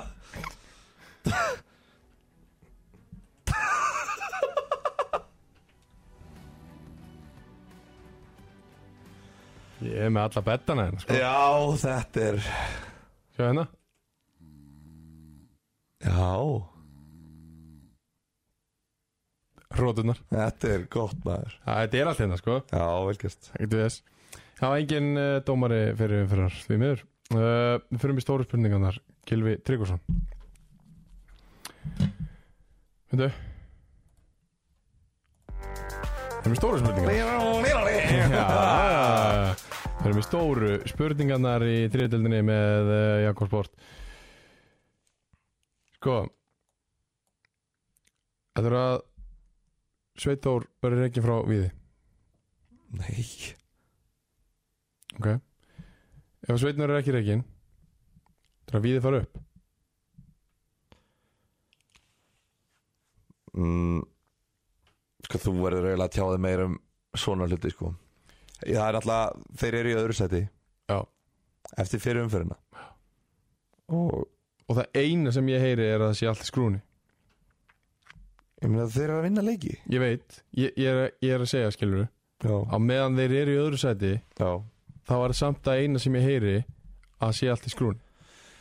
Það meina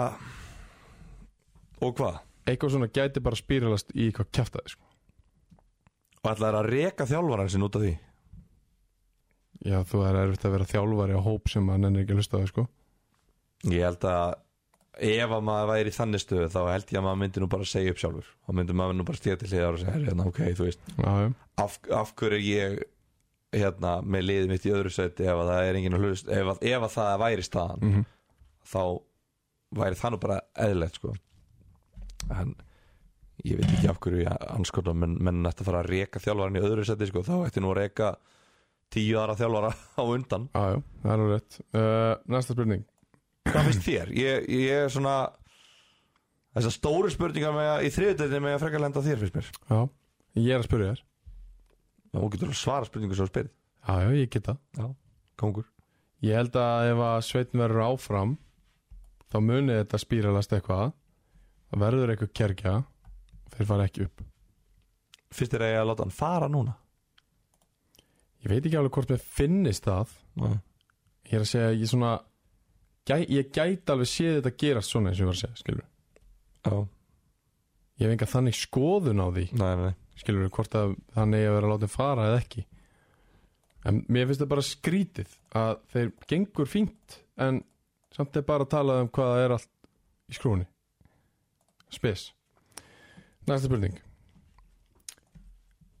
augnablikur er einu stíi frá öðru seti og þeir eru búni með slæmakamlan náðir loksins upp árið 2023 Búnir með slæmakaflana þeir náttúrulega gætu alveg tapað næstu 11 við höfum alltaf séð á vera á rosalegu rönni fyrstu 13 umferðarnar svo vera allt niður í götterið Þú ert sem sagt að byrja um gögn já, Þú ert að byrja um gögn já takk, Ég ætla að fara með þig tilbaka til 2021 takk Eftir 11 leiki var Reykjum Brygg búið að vinna 6 gera 3 jafntöfli og tapa 2 nákvæmlega eins og núna ok, voru með 21 stig og þeir voru í öðru sæti þá já veistu ekki hvað sæti þeir endu? sjönda eða áttunda með 23 stig eða eitthvað Níunda wow. þeir voru með nákvæmlega jafnmörg stig og árið 2021 fyrir tveimur ára, það er ekki Já. lengur síðan Já. þeir enduðu móti í níunda sæti með Ok. 26 stig fimm stig út af setni umferðinni unnu 1 tveitli, tvö jafntefli og þeir unnu lokaleikin sin by the way, Já. 2-1 fyrstu tíu leikinir gerðu þeir tvö jafntefli og töpuðu átta þeir töpuðu fyrstu sex í röð já í setni umferðinni það er slæmur kafli já, já, en ég er að tala um sko núna er búin að gera slæmt jættefli, tapa tók eitt sigurinn á mittum og víði svo aftur jættefli og tap og svo er þeir síðan þá búin að vinna tvo eða þrjá eða ekki ég meina þeir eru eftir að fara til Sangeris þeir eru eftir að fara í Garð Já. þeir eru eftir að fara á blöndurs Já. þeir eru eftir að fara til Vestmanna þeir eru eftir að fara á Greinvík og þeir eru Vá. eftir að fara inn í Kór Wow. útileikinir sem þeir eru eftir eru vægasagt erfiðir Já Þetta er bara viðbjóð setnum fyrir það Já, þú veist, það verður ekkert gaman fyrir þá að mæta kára á heimaðalli Nei. Þeim mun ekkert líða vel Sennilega ekki Þeim mun ekkert líða vel á móti árbæ á heimaðalli Nei, Það verður ekkert eitthvað, yes, kósi að mæta kára á árbæ sennilega ekki Þannig að, Svarið er nei, nei, hver var spurningin aftur? náðu þeir loksins upp árið 2023 Ég ætla ekki að fara, ég ætla ekki að, fara að spá hvaða lið fara upp ég ætla ekki að segja mína skoðun á því núna hérna ok af því að það er bara ótrúlega skrítið fyrir mig að fara að spá einhverju liði upp nema bara Ok. að spá árbæ upp skiluru Ok, þannig að, þannig að hérna ok en þeir geta náð öskiru Ég nenni ekki að hlusta að segja geta, geta Nei. ekki En svara þú spurningunni þá uh, Nei, þeir ná ekki upp árið 2003 þeir fara ekki upp Nei. og víðir ekki heldur já, alveg rétt. Obviously Örugglega ekki. uh, þannig að þú ert að reynir verði liði sem fylgir Besta Korm- leiðin Kormáki kvöt. Já, það verður þannig uh, Nú erum við búin að sjá fyrir umfyrirna Kári er með 13 stig Margi leikir sem að framistæðan hefur verið betri en hitliði mm -hmm. Þáttur er að tapa leikjunum með þetta Mm -hmm. Fyrir Kári lóksins á rönni í setni umfyrinni Uh, ég get alveg séð að gerast Já Ertu ekki með eitthvað að leikja gögn? Jú, ég er átnaði hérna uh, Já, Kári get alveg unni næstu sex Fín fín ekki En sjöndi á móti Árbæ Nei, nei Það er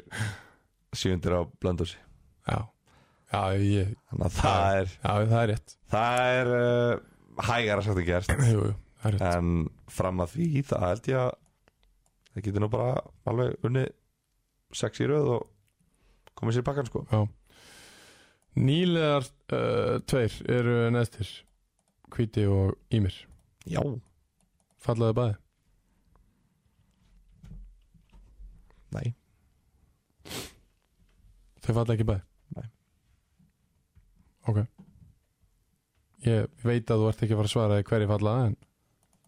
Ég get allavega svara því að Ímir er ekki að fara að falla Það er bara eitthvað sem að ég er bara handvissum alveg svo kávaf í hann er delt Já, bara nákvæm eins Ok.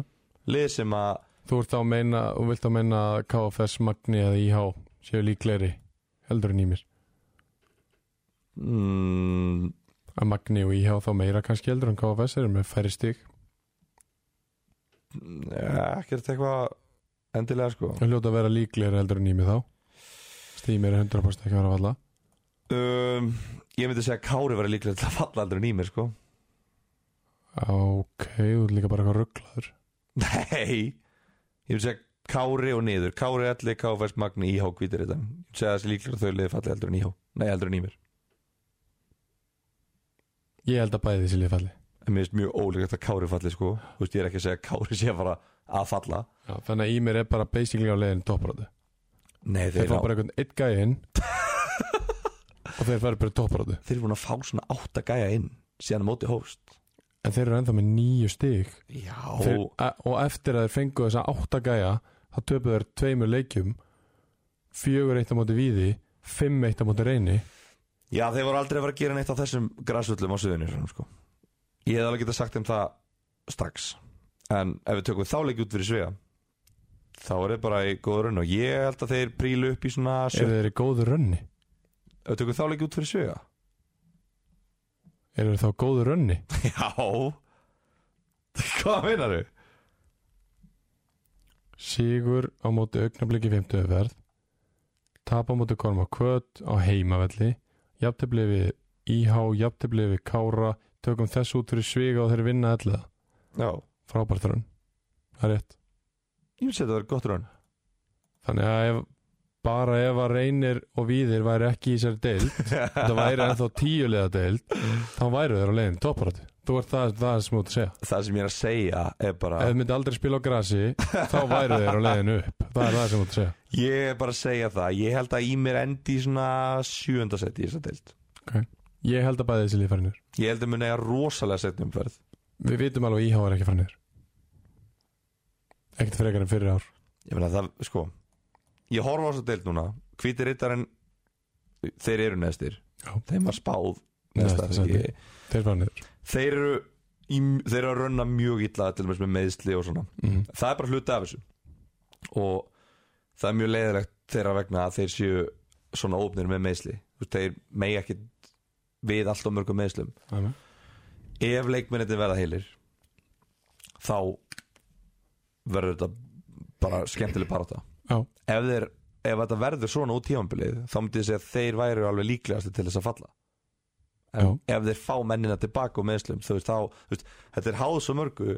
en að því að þú veist, hvítir rittar með fullmanna lið er bara drullu gott lið eins og ég hef sagt oft Mhm. hérna þannig að ég horfi á liðin þetta, þú veist, nú er maður búin að mæta öllum þessum liðum og mér finnst ekkert lið vera lélegt lið í sér deild þannig sem ég finnst geggjað út af því að ég fylgst með þessar deild svo mikið í síðust ár og djöfell hafa verið lélega lið stundum í þessar deild Já. En mér finnst ekkert lið eitthvað svona eiga að skammast sín eins og mér hefur oft fundist ég hef oft hort á lið í þessar deild og bara af hverju eru þeir að taka, af hverju sendu leik, lið til leiks í sumar Það er rétt hjá þér og ég held að það sem muni vega þungt í þessu er að öll liðin nema í mér og hvíti og árbær en við erum ekki að tala um þá í þessu samengi akkurat núna hafa spilað fleiri neitt, fleiri tvö tíambil í þessari deild Já, á síðisleirum árum Já. hinn liðin hafa, í mér og hvíti hafa ekki gert það Nei. þeir vita ekki um nákvæmlega um hvað það snýst Nei, þeir hafa það- verið í úrstiltakefnisbaróttu Já, það er ekki að fara að gerast hér það er ekki sama fallbaratu sko Það er langt síðan þessi lið voru í fallbaratu Já. En IH er í fallbaratu hvert einast ár og þeir kunna það þeir, þeir eru með sko Þið sjáu það að Svarta þeir eru beltið í ennþá hér Já, og, og ef að IH er með Nei, IH er ekki með svartabelti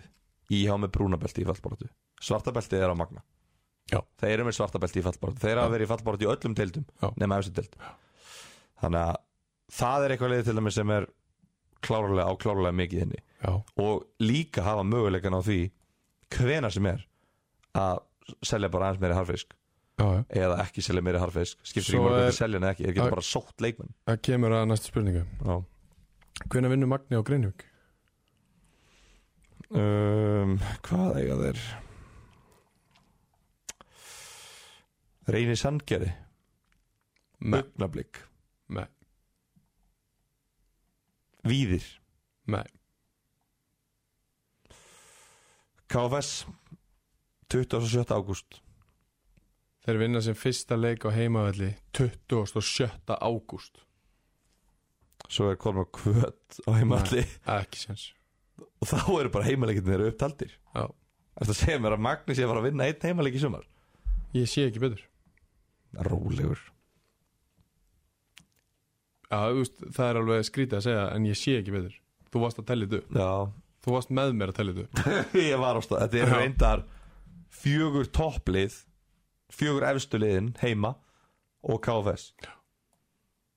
Já En það er þá kannski bara gott fyrir þá að eiga Hinliðin eftir útvöld Já. Geta unnið þar Síðasta spurningin uh, Er Kormok og Kvöt besta liði deildarinnar og af hverju eru þeirra?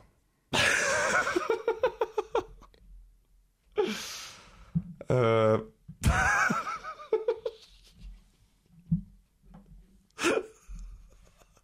Þú ert rugglaður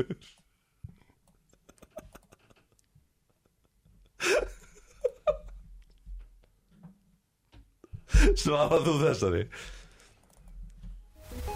Ástriðan þakkar kærlega fyrir sig í dag Gaman að vera með þér Gilvi Tryggvason Sömulegis Sverri Maður Takk